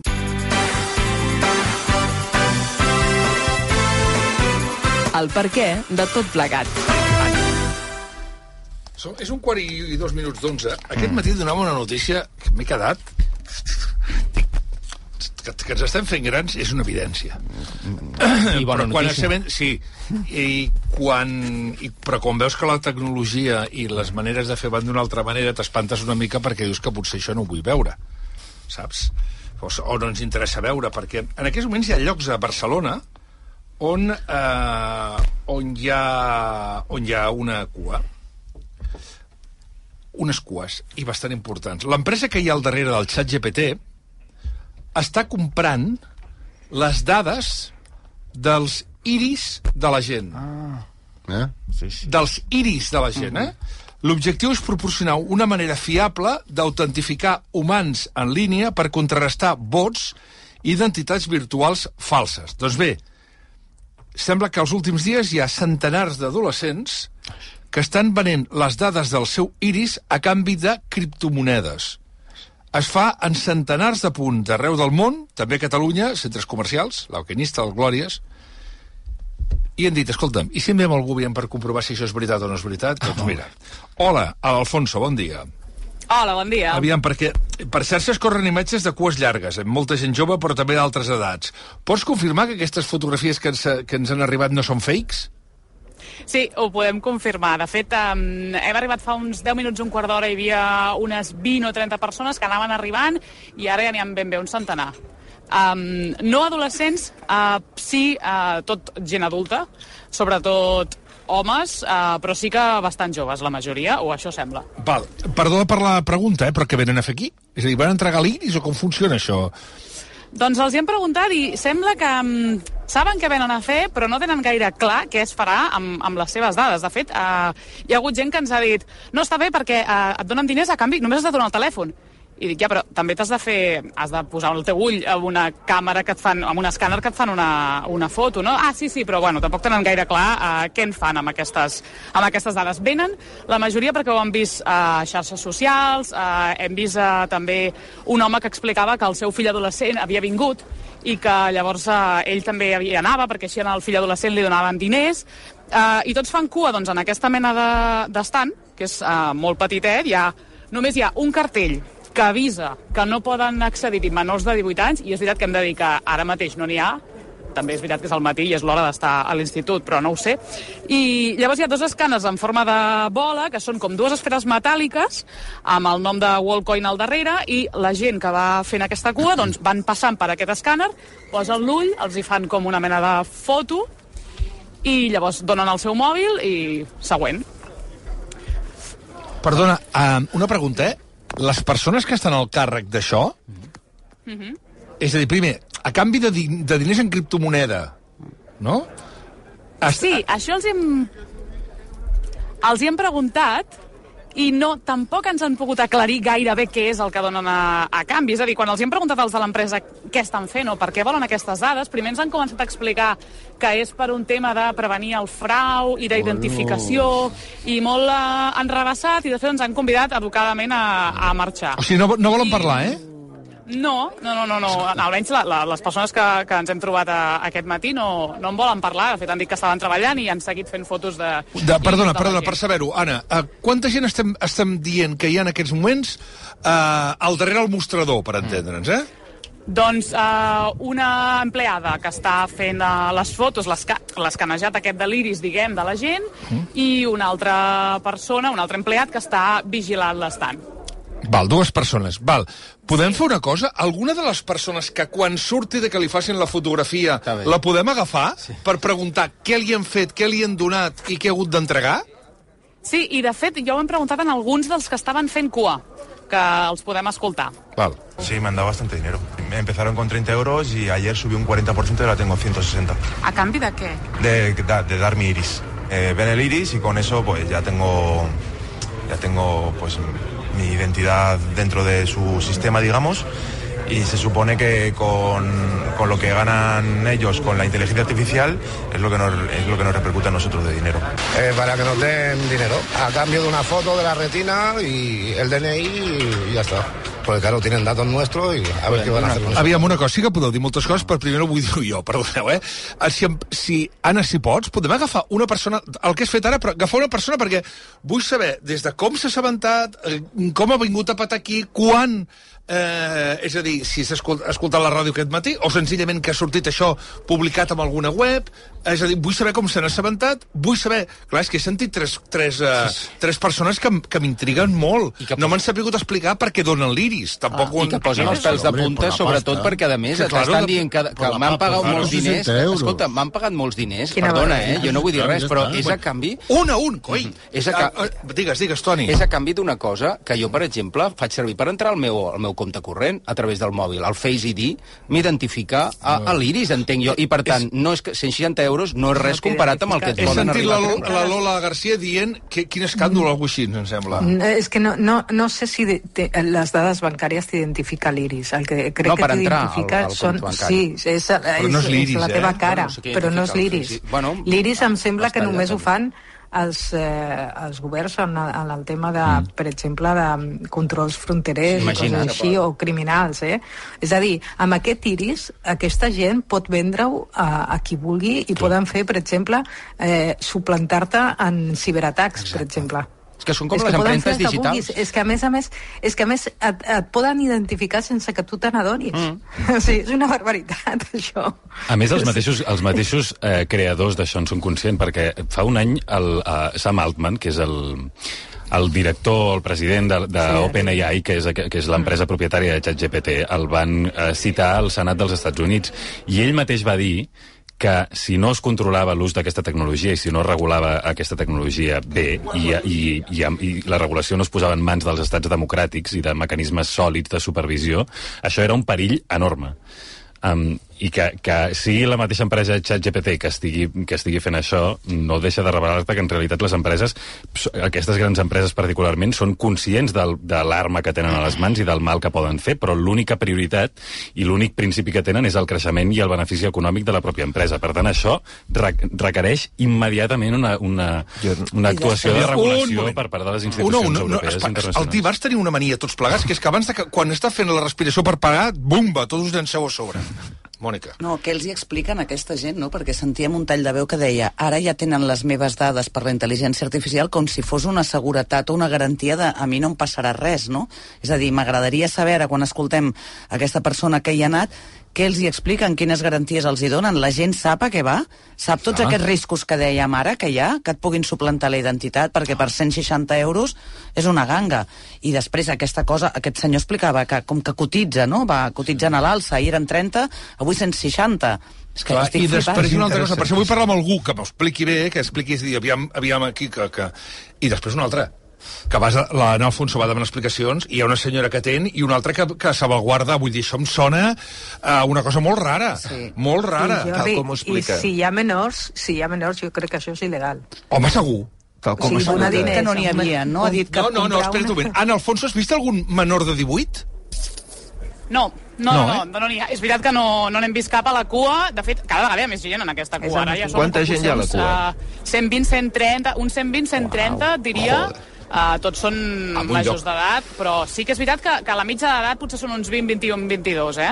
Però jo, jo tinc... Jo això tinc deu ser, jo, de, jo amb la línia de la Lola Garcia, jo crec que això... O sigui, aviam, si a tu et diuen que entregues el- l'iris, això a mi em fa una mica de cosa, eh? Però si tu et dius, no, les dades que per no, perquè és una cosa fake news, i a canvi et donem en criptomonedes 50 euros, doncs vas allà i hi ha algú que diu, doncs pues mira tu, 50 euros que em foto a la butxaca. Sí, sí. Amb sí, criptomonedes. 50 amb criptomonedes. No, i ja, clar, i ve un i diu, no, és que a mi m'han donat 30 i ara són 120. Sí, i demà seran do, de, 10 No, o, o clar. 0. Saps? Sí.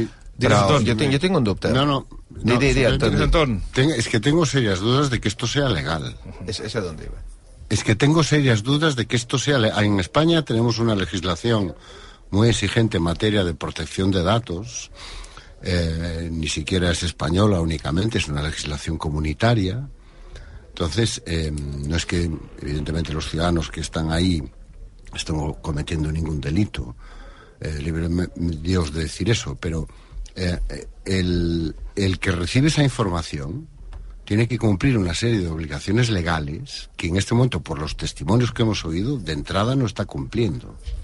Es decir, tú tienes que garantizar la protección de esos datos, explicar para qué se van a usar, explicarle al usuario a cambio de qué está cediendo esos datos y con en qué condiciones van a ser utilizados esos datos. Y yo creo que lo que estamos recibiendo es exactamente lo contrario. Es decir, oiga, tome usted 170 euros y no haga preguntas.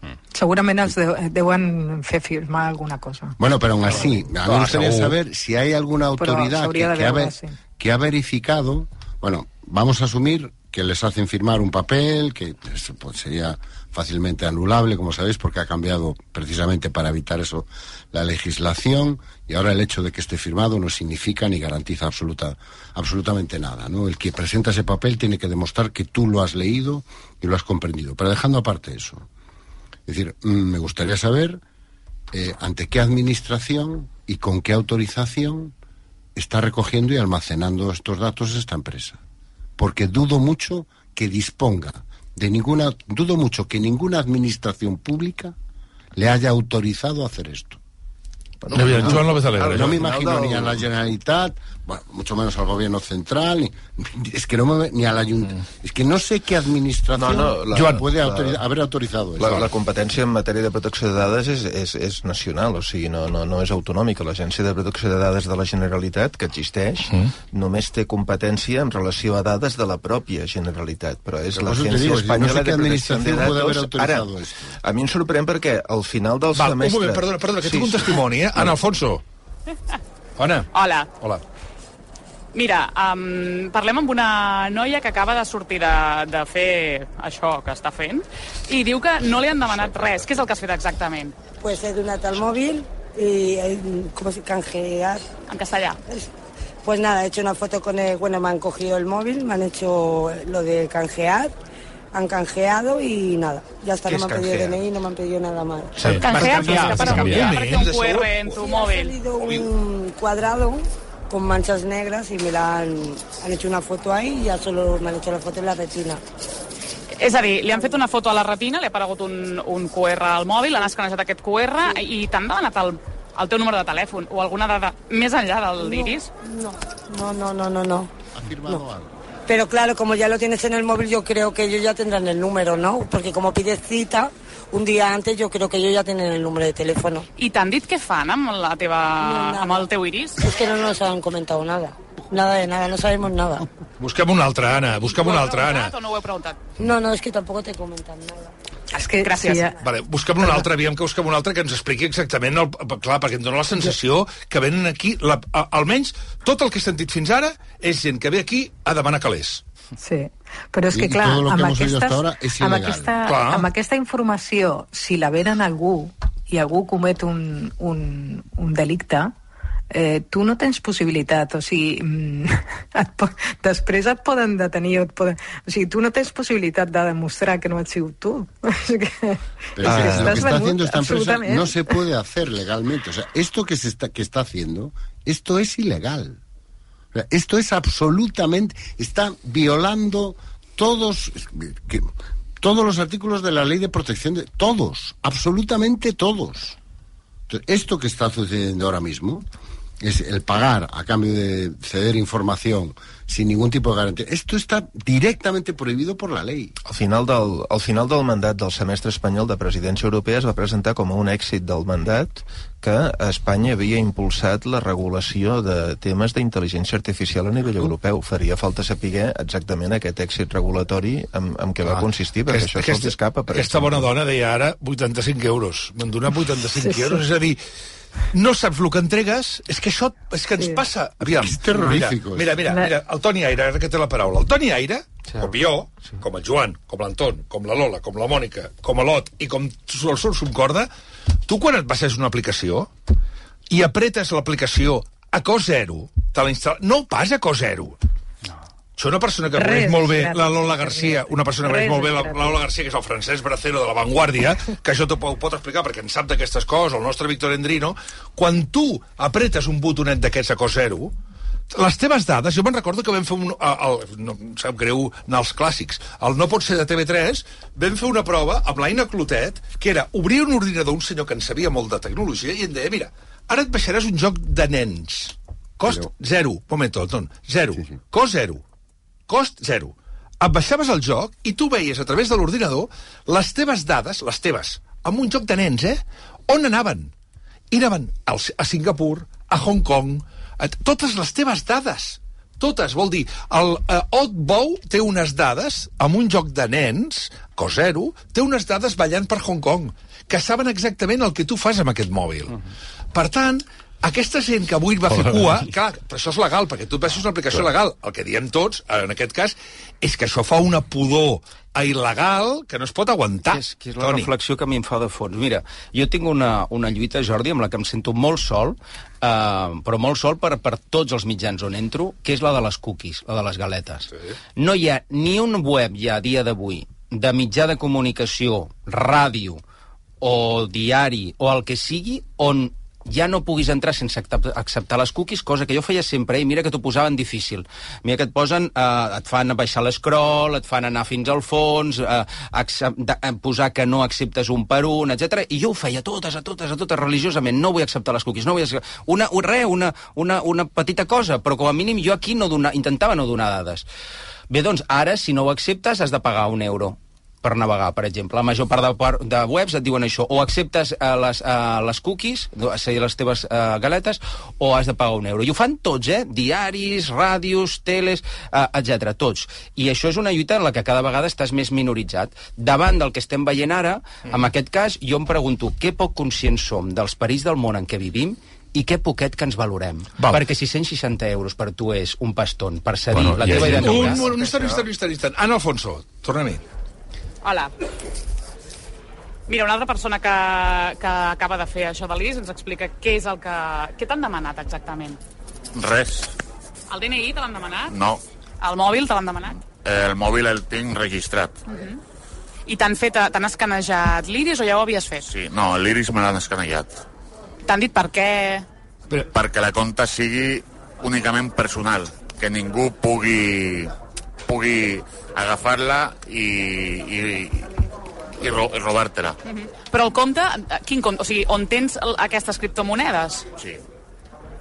I ells t'han pagat eh, en criptomonedes? Sí. Digues. A, a, a, puc fer-li un parell de preguntes amb aquest senyor? Sí. Vale. Passa els auriculars un moment per preguntar-li un parell de coses. Hola. Ah. Hola, bon dia, perdona, eh? Perdona, és que vull fer Hola, un parell, bon dia, bon, vull fer un parell de pre res, no, poques preguntes complementant el que et feia la meva companya, l'Anna Alfonso. Sí, digue'm. És, aviam, tu com t'assabentes que hi ha això aquí? Que hi ha això aquí? Sí.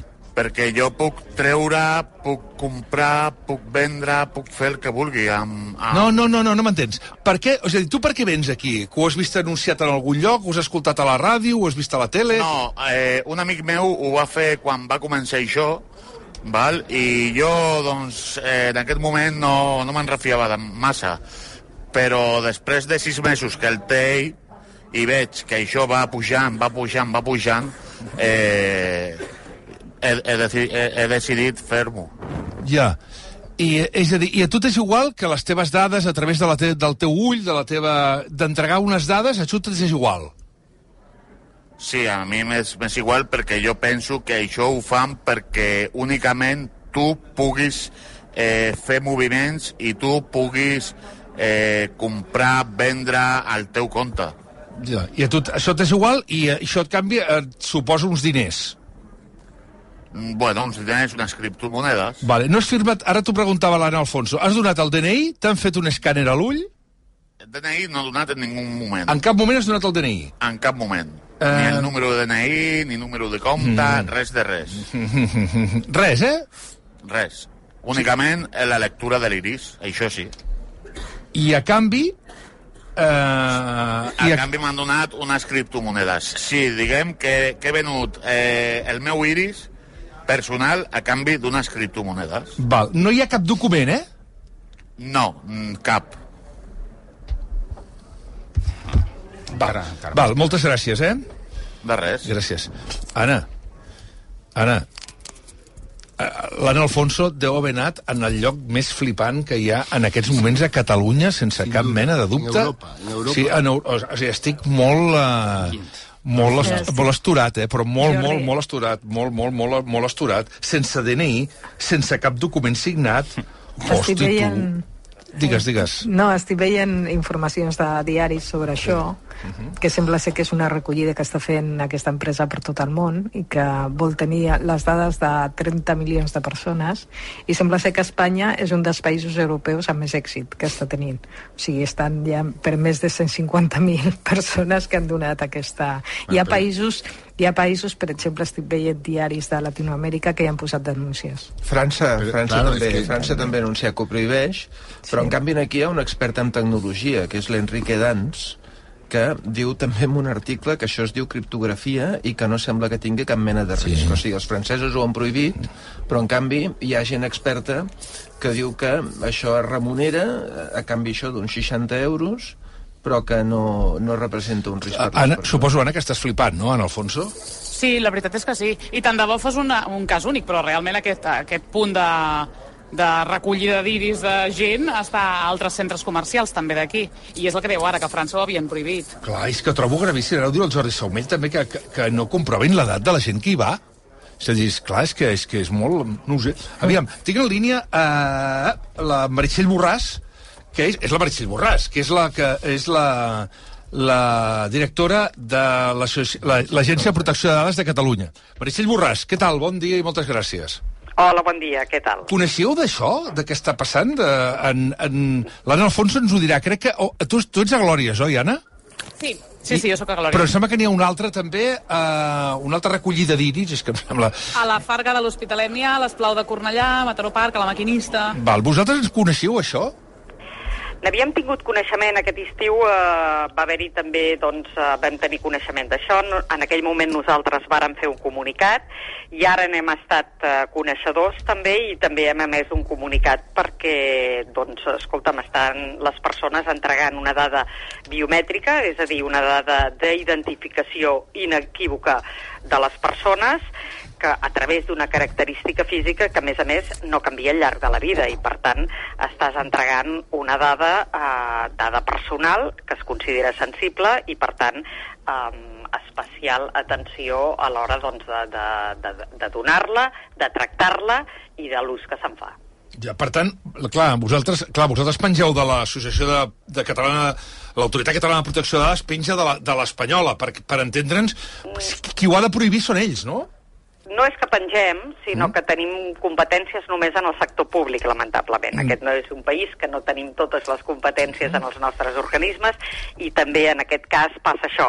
Nosaltres tenim competències en el sector públic, però no en el privat. Eh? I per tant això vol dir que lògicament eh, qui ha d'actuar és eh, respecte a l'empresa o a l'entitat que està fent aquesta captura, podríem dir, de dades eh, personals i dades eh, especialment sensibles, hauria de ser l'agència espanyola. El que passa és que nosaltres sí que som responsables respecte a la sensibilització de la població del país i per tant per això hem emès un comunicat on doncs volem informar i ens va molt bé que doncs, eh, vosaltres us en pugueu fer ressò i a través de, la, de RAC1 doncs en parli de que aquest no és un tema menor eh? entregar doncs, aquestes dades no només requereix el consentiment cal tenir en compte que a més a més aquest consentiment ha de ser lliure ha de ser informat, has de saber ben bé què és el que fas per entendre'n, t'ha d'informar específicament del que fas, però és que a més a més dèieu, no?, eh, si no ho he sentit malament, que es tracten de persones menors d'edat. Si són menors de 14 anys, aquí la persona ja no és de, doncs, la, la última, o sigui, no és la que pot autoritzar o no aquesta entrega d'aquesta dada personal, sinó que haurien de ser els seus pares, no? A part, s'hauria d'informar per part d'aquesta empresa quina, amb quina fila, finalitat es tenen aquestes dades, quin ús se'n farà, quant temps es conservarà, si es cedirà a tercers, què en faran, etc. Estem parlant, insisteixo, d'una dada personal que t'identifica de forma inequívoca i, per tant, doncs, el seu ús en molts eh, moments determinats eh, doncs, eh, podria ser no, no positiu, deixem-ho així. Val, però, però una pregunta, per tant, qui autoritza que l'empresa del xat GPT munti aquestes parades per comprar les dades de la gent? Doncs eh, jo entenc que estrictament ells deuen haver demanat a l'Ajuntament eh, allà on sigui de poder muntar aquesta parada. No sé si han informat que, que van a fer el que van a fer, Eh? O sigui, no sé si han informat simplement de que tal empresa es posa aquí o si han informat de que van a, a, a, a sol·licitar això. Si és que és així, és l'Ajuntament qui dona l'autorització i potser estaria bé que preguntés doncs, als organismes competents en aquesta matèria i en aquest sentit a nosaltres si això és, és del tot correcte. Alexis Borràs, moltes gràcies per acompanyar-nos avui al Món RQ. Gràcies i fins aviat. Gràcies a vosaltres. Molt bé. Si les parades estan a dintre del centre comercial, qui dona el permís és el centre comercial. Sí, ara anava a preguntar, on, la, perdona, en Alfonso, la parada és a l'interior o a l'exterior del, del centre comercial? Està a l'interior, justament a, a una de les entrades. Doncs és el centre comercial. Sí, és tema privat, amb la qual cosa l'Agència Catalana de Protecció de Dades no pot fer res perquè és la cosa pública. Per tant, estem parlant de, de a l'interior. O sigui que, efectivament, centre comercial. Glòries, la Farga de l'Hospitalet... Mataró Park.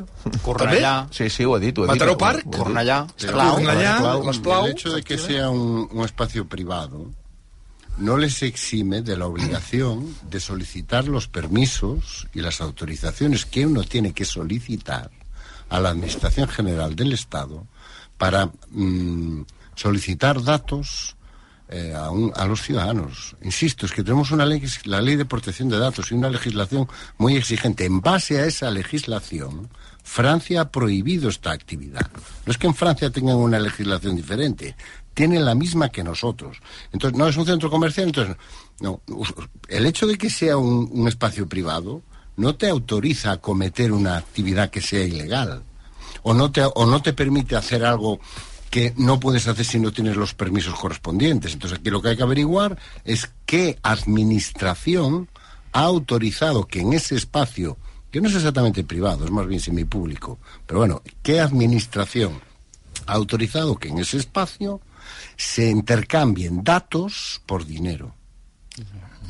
I quantes vegades no cedim, com dèiem abans, eh, estem cedint ja ara espais de, de, la, de la nostra identitat, més que de la nostra intimitat. Eh, Vam tenir un debat fa uns quants anys sobre la intimitat, però jo crec que la identitat és molt important perquè, a més, amb l'evolució de la intel·ligència artificial eh, farem salts que, mm, com deia la pel·lícula, no mai ens haguéssim imaginat de veure. Recomano moltíssim al voltant d'això un llibre que, que es diu Ciberleviatán, del José María Lasalle, que va ser secretari d'Estat de, de, de Cultura, on venia a dir això, és a dir, si tenim ja les dades i els algoritmes com a quasi, quasi, podríem dir, els nous sobirans de, del nostre planeta, siguem conscients que en gran part ho som per com els alimentem nosaltres. I a mi m'agradaria saber una cosa, amb tots els meus respectes, i és que si... Mm, perdó, eh? Si això tenien coneixement fa mesos, tant el, tant el govern de la Generalitat i tenia coneixement mm. de les, és a dir, fins ara hem hagut d'esperar que això perquè sortir en una televisió, ai, en una ràdio o sortir en unes notícies, en una web o alguna... o sigui, hem hagut d'esperar ara per, per això però és clar, o aquí un altre ara l'Anna Alfonso ens ho dirà Anna, quanta gent hi ha ara a la cua a tres quarts d'onze del matí aproximadament? Ara s'ha reduït una mica perquè va- van bastant de pressa i potser hi ha unes 40 persones, més o menys. 40, però tu no has arribat a veure més de 100, eh, dius, més o menys? Sí, sí, sí, més de 100, 120, 130, quan hi havia més. Sí, sí. I continua sent, eh, eh, la, la majoria d'homes, que és una cosa que mm, no sé si és sorprenent, però és un fet. A Madrid. No, eh, no sé quantes vegades no t'ha passat que, de, que has aixecat la llebre a la ràdio i fins llavors hi ha una part de l'autoritat que no, no s'havia mogut o no havia fet res. Allò del contenidor ha passat Sí, sí, històricament. sí, sí, és un sí, petit sí, sí. drama, però Sí. és així. El Pero si vamos a ver, si tenemos a montado un tinglado jurídico enorme, enorme, con sentencias contradictorias por los escáneres de los aeropuertos. Por los escáneres de los aeropuertos. Si se ha retrasado la entrada de la tecnología esta que te vende, que nada, entre Ah, que, si ya no va a tener ni que quitarse las botas, ni nada. O sea, está paralizada media Europa porque plantea serios problemas en materia de protección de datos y protección de tu identidad. ¿Y qué me estás diciendo? ¿Que esto que están haciendo estos señores en el centro comercial? És que, a veure, tothom- És que aquesta tecnologia fa, Però, fa molt de temps que està disponible. Eh, és una tecnologia que fa temps que està... A- correo a- afecta a la protección de datos. Es que esto es increíble. Eh, una, És que cosa, una cosa curiosa, que és, et donen diners sense demanar-te les dades? Aleshores, Però bueno, aquesta és- empresa està donant cali negre, per dir-ho d'alguna manera, no? Perquè, eh, disculpeu-me, però com És pot com- ser que donis perdó, diners a és com algú sense tenir les seves dades? No, es como esta cosa de la- cuando vas por el aeropuerto y le doy 100 euros y me pasa este paquete por la por, por, por el escáner. Así que, Sona no sé, terrible. yo- Mare yo de meva. verdad es que- Tres quarts d'onze, un segon, sisplau, que ara tornem.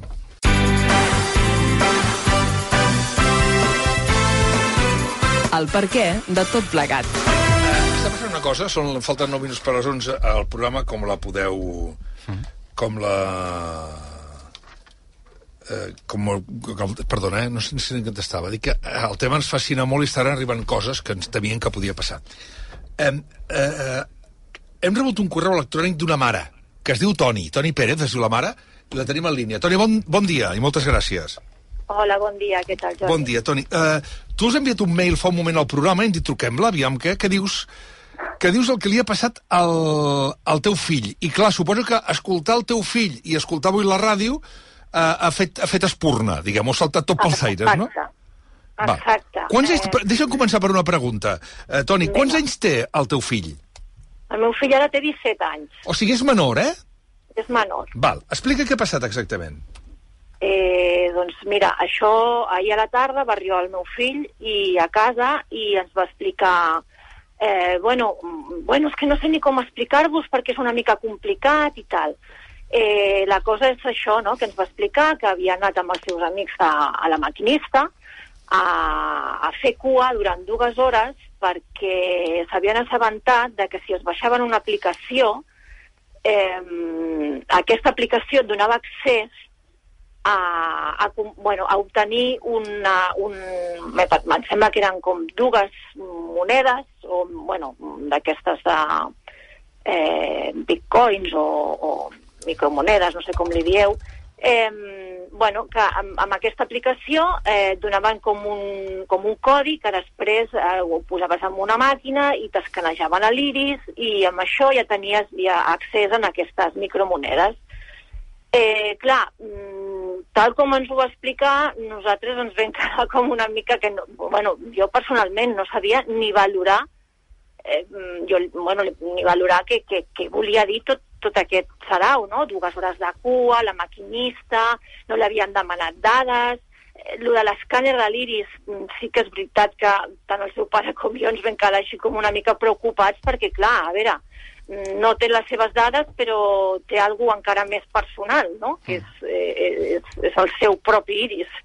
Eh, I a canvi mm, li havien donat, li havien ingressat en, en aquesta aplicació un, un parell de micromonedes d'aquestes que es podien convertir fins a un valor de 70 o 70 i pico d'euros. Clar, nosaltres sempre li hem transmès a casa que, que no se'n fiïn de, dels regals que es fan així tan fàcilment, eh, perquè no són regals, o sigui, al final t'estan comprant la informació. Mm, però bueno, ens vam trobar que, bueno, que, que no... Eh, per, bueno, per tant, perdona, Toni, uh, uh, ell, per tant, el, el teu fill té una aplicació ara al mòbil que va Sí. d'això? Sí, o sigui, el meu fill eh, i els seus amics es van assabentar que si et baixaves una aplicació, que no me'n recordo ni com es diu, eh, tenia, en aquesta aplicació, sense demanar informació personal, aquesta aplicació era com que et donava un, un, un codi, un codi de barres, que després havies de posar en una màquina eh, que estava, tota aquesta cua que s'està fent a, a la maquinista i als centres comercials, eh, és perquè els nanos o la gent, en fi, al final, qui tingui aquest, aquest codi el posa com en una mena de màquina i a més et dona accés a que t'escanegin l'iris. Això és el que ens va explicar el, el meu fill. No sé si era ben bé així al 100% com us estic explicant, eh? Eh, total, que el que ens va explicar és que ells van arribar, que després de fer molta estona de cua, dues hores, eh, ells no portaven el DNI. I, clar, que van arribar allà i van dir que els van demanar el DNI i no el tenien. I que van dir, bueno, però sembleu que teniu 18 anys, passeu, passeu. Clar. Eh, Això li van dir? de- Perdona, això li van dir? Tal qual. O sigui, el meu fill i els seus amics, bueno, el meu fill en pa- particularment no portava el DNI. I, i el meu fill li va dir, però tu et pen... creus que no creus que no tinc jo 18 anys? Perquè, a més a més, vull dir, perquè us sembla, a veure, tenen 17. Eh, sí, sí, passa, passa. Vull dir que... No té ni cap ni peus, això. No. Mira, ara, ara, ara m'arriba una informació. Eh, Bueno, és que, esclar, ara està, ara està arribant aquí, de debò que ara ja m'estic quedant... Mm, és, és veritat que, com deia el Ribas Castro, la ciutat és un milió de coses, Ah. però també he de dir que la majoria de les coses no ens assabentem, i s'assabenten uns quants. Per exemple, hi ha un oient que ens envia que el Confidencial va publicar que el 2022 això es passava a Madrid, i ningú va denunciar res. Hi ha un altre oient que diu que fa uns mesos, mig any, que hi ha una tenda de criptomonedes que hi ha cua, cu- cua de gent jove. Eh, I ara sembla que és una recollida de dades biomètriques. Mm. Efectivament. Clar, és que és molt bèstia. Que és que t'escanegen... I ara, I ara el Joan López Alegre deia una altra cosa que és molt interessant, també des d'un punt de vista econòmic. Digues, Joan, digues. Home, que si hi han més de 100 persones amb una cua i a cada un li donen eh, més de 100 euros, vol dir que estan lliurant eh, de, dotzenes de milers d'euros i si no demanen cap mena de documentació, això senzillament és un frau fiscal perquè és calent negre. Clar, així de simple. Es ¿Qué, qué dius, Anton? Que sí, ¿no? Claro. No, no, que, eh, no sé, no sé qué está esperando la policía para personarse en estos centros comerciales. Sí, a, a un oient al Twitter, el Guillem ens diu la remuneració són un total de 80 will, uh, wall coins. Ahir van arribar a 7 amb 30 euros, que et donen en vals cada dues setmanes. I si convides algú, són de 10, 10 més. De, 10 wall coins, me- wall, wall coins Com més. els de l'IFAPRIX. Exacte, Quan no, sí, sí, exacte, no, no, no, exacte, sí, sí, és com si, sí, sí, et donen- diners si, si portes amics. En fi. Bueno, Toni, vols dir... És que ha enviat una cosa al- al- eh, en el, en el mail, m'ha fet gràcia una cosa que escrivia la Toni, que diu... Um, no vaig poder dir-li si havia fet bé o malament perquè, sincerament, no tinc cap mena d'informació i no puc valorar el risc o el benefici de tot això. Clar, és que tots els pares i tots les mares estarem igual. és que, és que al final, tal com ens ho va dir, ens, que ens vam quedar com dient, ostres, ha sigut molt llest i espavilat o en la que ens hem ficat ara mateix, o sigui, en quin liu ens, en, ens hem pogut ficar. Vull dir, no, no hem sigut capaços de valorar. I ara, a l'escoltar-vos, clar, o sigui, a mi se m'han encès totes les alarmes, perquè ja no em vaig quedar molt tranquil·la, com podeu imaginar, que el meu fill li hagin escanejat l'iris i vés a saber què fan amb ell. Mm, però, clar, fins que no us he escoltat que estàveu parlant precisament d'això, mm, és que he començat a, saps? O sigui, esgarrifances totals. És que, que s'aprofitin de la nostra ignorància sobre aquest món, que la tenim, Exacte. perquè no coneixem, però que ho facin amb menors. Clar, Això té clar, literalment clar, clar. delicte. En aquest cas es pot denunciar, és a dir, ara la Toni podria denunciar-ho, no? Perquè el seu fill és menor d'edat. Eh, sí. En teoria, tu les dades biomètriques a Europa no és legal, en els casos dels menors, cedir-les ni amb consentiment. Per Sí, tant, sí, perdona, i una altra cosa, una altra que t'han explicat, l'Anna Alfonso, ara ets aquí, eh? Nosaltres també encara? Anna? Bueno, la- l'Anna Alfonso deia una cosa fa uns... Bueno, he sentit un, un, un, un, un de, una de la gent que feia cua amb una expressió de que, bueno, un amic li ha dit que el preu no para de pujar i tal, i ara, clar, ho entenc, ho lligo tot, és a dir, perdó, amb tots els meus respectes, eh? és el cunyat que tots hem estat, perquè d'aquesta manera ell aconsegueix 10 criptomonedes més per col·locar aquesta persona que li ha dit a l'amic que, que ha pujat, que ha augmentat la seva cotització. És que això requereix una organització política, perquè el, tot això de la realitat virtual i la intel·ligència artificial és una de les escletxes per on s'escola més poder de les grans corporacions avui i és un dels àmbits precisament en què tenim menys organització política. I això no només és, ens deixa indefensos davant, dels poder de, davant del poder d'aquestes grans empreses, ens deixa indefensos potencialment davant d'un tom autoritarista dels estats. En el, en el cas dels Estats Units, per exemple, s'ha vist que les administracions federals cada vegada més fan servir aquestes, eh, aquests reconeixements facials um, contra sospitosos de casos, per, per, per tràmits judicials, etc. I recordo un, un, uh, un informe que em vam fer un reportatge de, de l'Institut de Tecnologia de Massachusetts, que és una de, de l'MIT, uh, que deia, que per exemple explicava que hi ha un viatge extraordinari en aquests reconeixements facials que feien servir les administracions dels Estats Units respecte del color de pell hi havia un grau de precisió d'un 0,8% amb la gent blanca i eh, de, de, de marge d'error i un marge d'error d'un 34% en el cas de la gent negra. Si amb aquesta mena de, de, de coses no hi ha una organització política per part dels ciutadans i si les administracions i les institucions europees no es posen les piles amb regulacions serioses eh, d'aquestes empreses i d'aquesta mena de praxis, mm, és, és deixar la gent Perquè a ara parlarem per boca d'asa, però la Toni, l'Anna, l'Ot, la Lola, Doranton, el Joan, el Toni, el, la, la Mònica i servidor que estem aquí, o l'Oriol i la Marga que estan al control, i els oients que ens estan escoltant, quan a tu et diuen no, és que dones les teves dades de l'iris, no saps exactament què estàs donant. No. És a dir, quines dades té el meu iris. Però sobretot... sobretot La ignorància és de tots. Clar. Sobretot és la, és que no saps què faran amb Claro. ¿para qué? O sigui, eh, l'iris com, com les, les, eh, la, la cara és, és, una dada de- d'identificació biomètrica com la- l'empremta de les, dels teus dits, però més fiable, molt més fiable. Però el problema és què faràs, què fan aquestes empreses amb I- elles. Jo he estat mirant de... Quan, eh, o sigui, l'Alman no, no, no s'amaga, va anunciar que faria això i l'empresa i l'empresa WorldCoin eh, va anunciar que faria això i ho està fent a tot el món.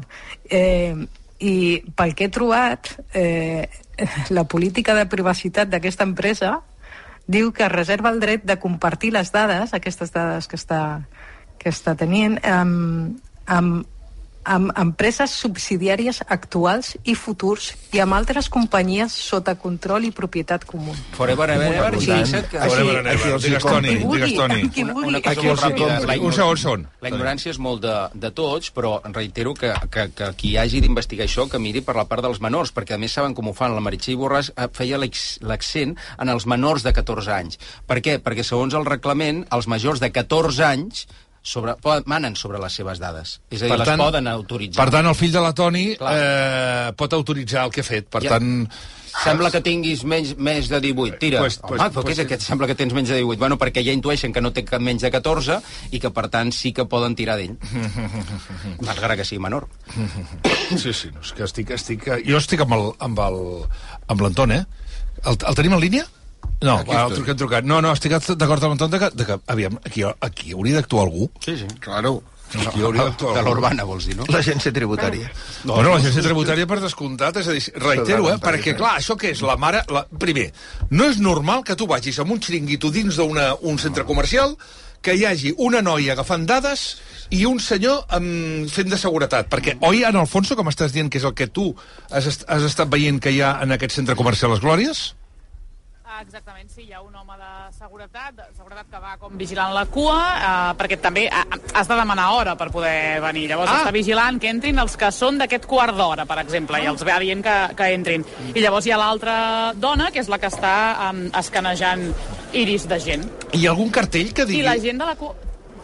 Hi ha un cartell que, el cartell que el que diu és uh, més 18, és a dir, deixa clar que has de tenir més Ja, de 18 no, no, anys, però vull dir, no hi, ha cap, servir els serveis. no hi ha cap marca? És a dir, ChatGPT diguis. o, o jo què sé... Wallcoin posa al darrere, al darrere de l'estamp posa Wallcoin. Wallcoin. Per tant, estem parlant de que la, la, la, la, la marca és uh, de criptomonedes.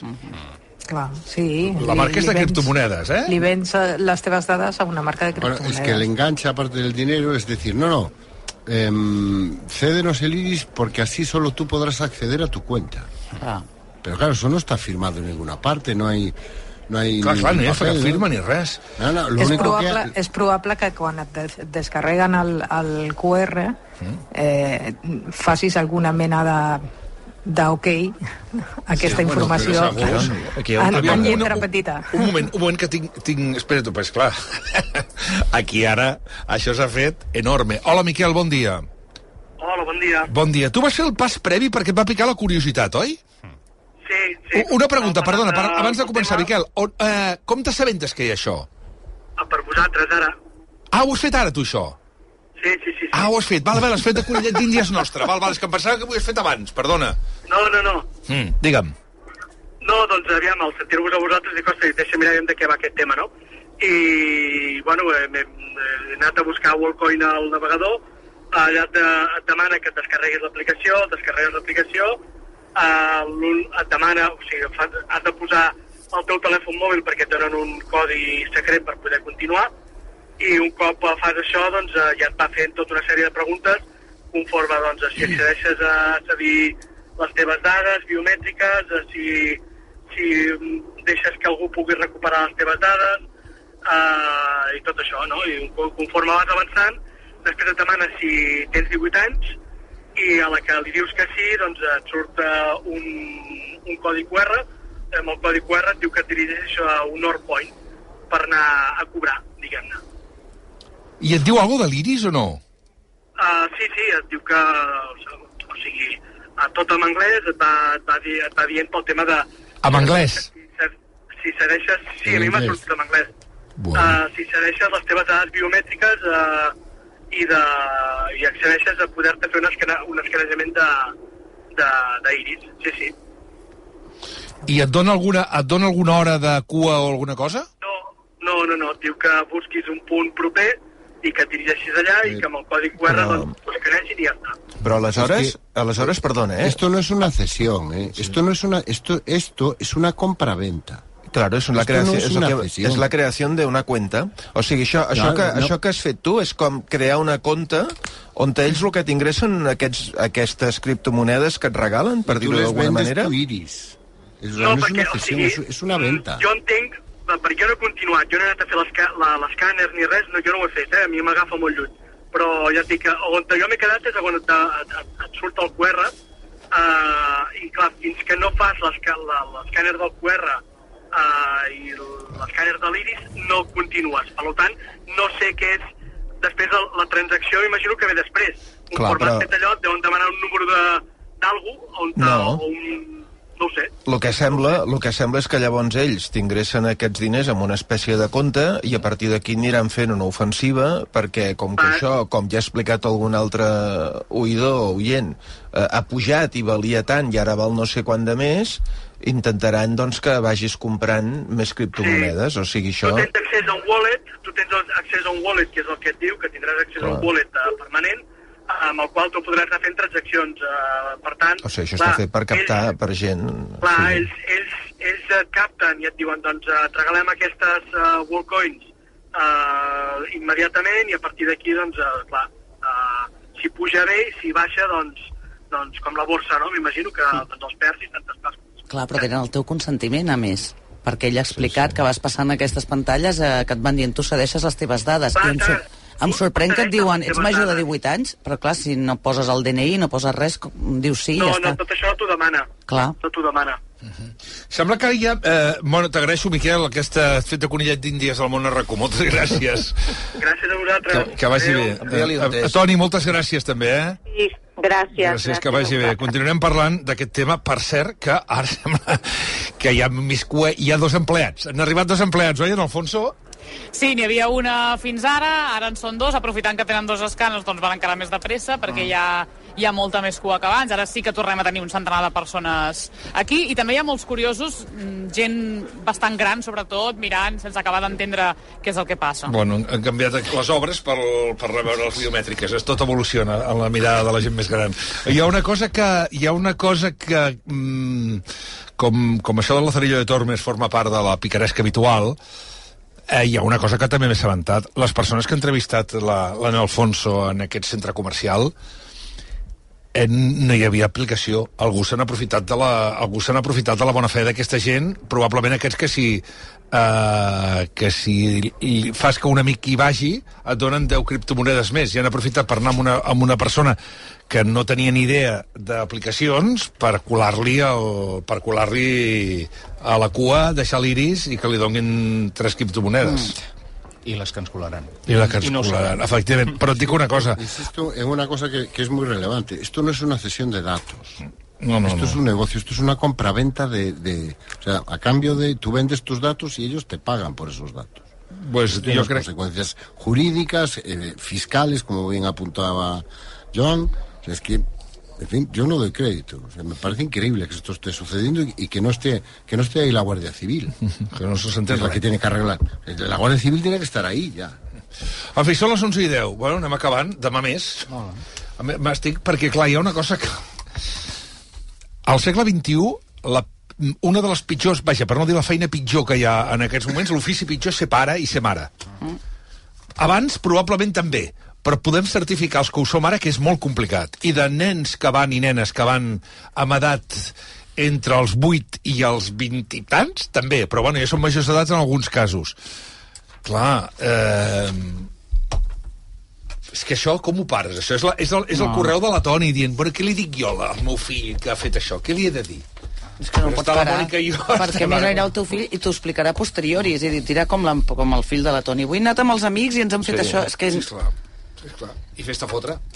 I festa fotre. Bueno, en fi, què, Mònica? Com Bueno, tenim estic això? una mica esgarrifada, esturada, noqueada, no sé eh, si podré Sí. fer aquest ull de poll. Mira, avui que me l'havia plantejat musical, no perquè tingui ganes de cantar, però com que Canta, venim si vols, canta. del té, ara tindrem el Toni Ostres, Crut, i a més, clar, guanyant Nayara amb aquell sobreviviré, no. que m'encanta I aquest tema de de la Mònica Ruslana. Naranjo. Jo pensava que guanyaria la Ruslana. No, molt millor Nayara, Sí. on vas a parar i tant. La Rosana a més va fer coses lletges als companys. Una mica bullying, unes, uns No he vist tant, no n'he sí. vist tant. No, jo tampoc, ho segueixo per les, aquestes filles que després aniran a vendre l'iris, vés a saber. en fi, que anirem de música. Avui hem parlat d'aquest revés de la justícia suïssa, el jutge que porta el cas Tsunami.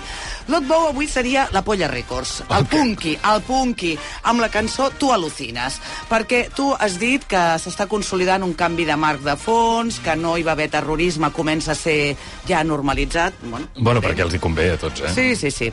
En fi, la Lola eh, seria el No Controles de Ole Ole, la recordeu? Home, no sí, sí. Controles, això... De la meva època, no? Eh, bueno, i de la, de la nostra, la de tots menys Lot Bou, que ha dit que no és terrorisme tot el que va passar aquí amb el tsunami democràtic, que és una, en un estat de dret, doncs no val un tuit, com esgrimeix el jutge. Antoni Aire seria érase Home. una vez una justícia creativa, que és el terme que avui ha inventat Antoni Aire. Ha dit que tot el que fa la justícia espanyola no té sentit, cap sentit. En Joan seria Nino Bravo. Nino Bravo. Home, series libre... Perquè tu vas per lliure. Sí, home, és una I cançó a favor dit, de la no llibertat seríem a Cuba. on som, Libre. no seríem on som si Puigdemont s'hagués presentat davant la justícia espanyola. Molt bé, després ha arribat el moment Pimpinela, que l'han protagonitzat eh, Joan López Alegre i Toni Aire. Frases com tu talles quan vols, a mi no m'importa que et tallin. Llavors, jo crec que les heu de musicalitzar. Uh -huh. Tu talles quan vols, a mi no m'importa que em tallis. Ha de ser una cosa No així. sé jo, eh? és que no teniu idees. No és paguen que, tant com vamos. Molt bé. Podria ser moment Pimpinela o moment Xenoa Bisbal, eh? ja que estem a Moter. Vinga, eh, seguim. Després hem parlat del tema Galícia. La Lola aquí ha sigut Rocío Jurado. Com una ola, que no com una Lola, quan ha dit allò de... Jo sé la interpretació del resultat de les eleccions gallegues que han fet a Moncloa i les paraules de Pedro Sánchez no s'han interpretat bé. Molt bé, frase final. No es pensi, don Anton, que el deixo lliure de l'ull de poll, eh? A veure... Me lo temia. Ah, no, no, però li dedico, li dedico avui la frase final, eh? Vull dir que és bona, vull dir que, que vostè ho ha fet molt bé. A veure, on, on el tinc, don Anton? Molt bé, ja el tinc aquí. Don Anton Lozada, amb la frase final que avui ens ha deixat, és la següent. Hemos neutralizado que la justicia penal puede investigar lo que le dé la gana. Acabo de veure una informació que diu que Kilian, no hi haurà opinions, eh? Kylian Mbappé ha tancat el seu acord amb el Madrid segons la SER. Estaríem parlant de 14 milions nets més 30 de prima cada any. Per tant, estaríem parlant d'uns 50, vostè d'uns 60 milions d'euros per ell cada any i, si no, una mica més, perquè deu- hi ha bonus. Per tant, estem parlant del... Estem parlant de la, el traspàs... O sigui, estem parlant de la fitxa més alta de la història de, de les, m'atreviria a dir, de l'esport mundial. Endavant. Nos, nosaltres tenim un noi de 16 anys que d'aquí a 4 dies serà el millor del món. Un quart de 12. Bueno, vinga, va, polls. Zurich Assegurances t'ofereix la millor protecció adaptada per les teves necessitats, per al teu cotxe, casa, empresa, per la teva salut i, per exemple, amb l'assegurança de la llar, el teu gos també estarà protegit. A més, si contractes ara una nova assegurança de llar o de cotxe amb Zurich, entraràs en el sorteig de 4.800 euros per omplir les teves cistelles de la compra fins dalt. L'oferta és vàlida fins al 31 de març. Informa-te'n a través del teu expert en assegurances o a zurich.es, perquè amb Zurich fem-ho èpic. De seguida parlem d'OT i parlem amb el director de Reset Televisió i és el que va parir Operació Triunfo, un dels dos. Va ser Toni Cruz i Joan Maria Veïna. D'aquí us comença el Toni Cruz aquí al món a rac i parlarem amb el Pere Mas, amb el Pere Solà Ferrer i el David Broc. I després, com acaba la xifra final del torró solidari d'aquest Nadal passat aquí a rac Gràcies, Toni Aire. Gràcies, Gràcies Joan López Alegre. Mònica Hernández, eh, Lola, eh, Lola Garcia, Gràcies. Ot Bou, fins la setmana que ve. Don Anton Lozada. Fins aviat, que vagi bé. Bons Bons dies. Bons dies. Adéu. El per què de tot plegat. Banc Sabadell t'ha ofert El perquè de tot plegat. Sabadell, necessites un banc? Locutar un, an un anunci de ràdio aguantant el tipus mentre un se senyor que no coneixes de res et llança ganivets no és gaire corrent. Com tampoc és, és corrent que un compte corrent et doni tants avantatges. Compte online Sabadell. El compte corrent menys corrent. Informa-te'n i fes-te client a bancsabadell.com.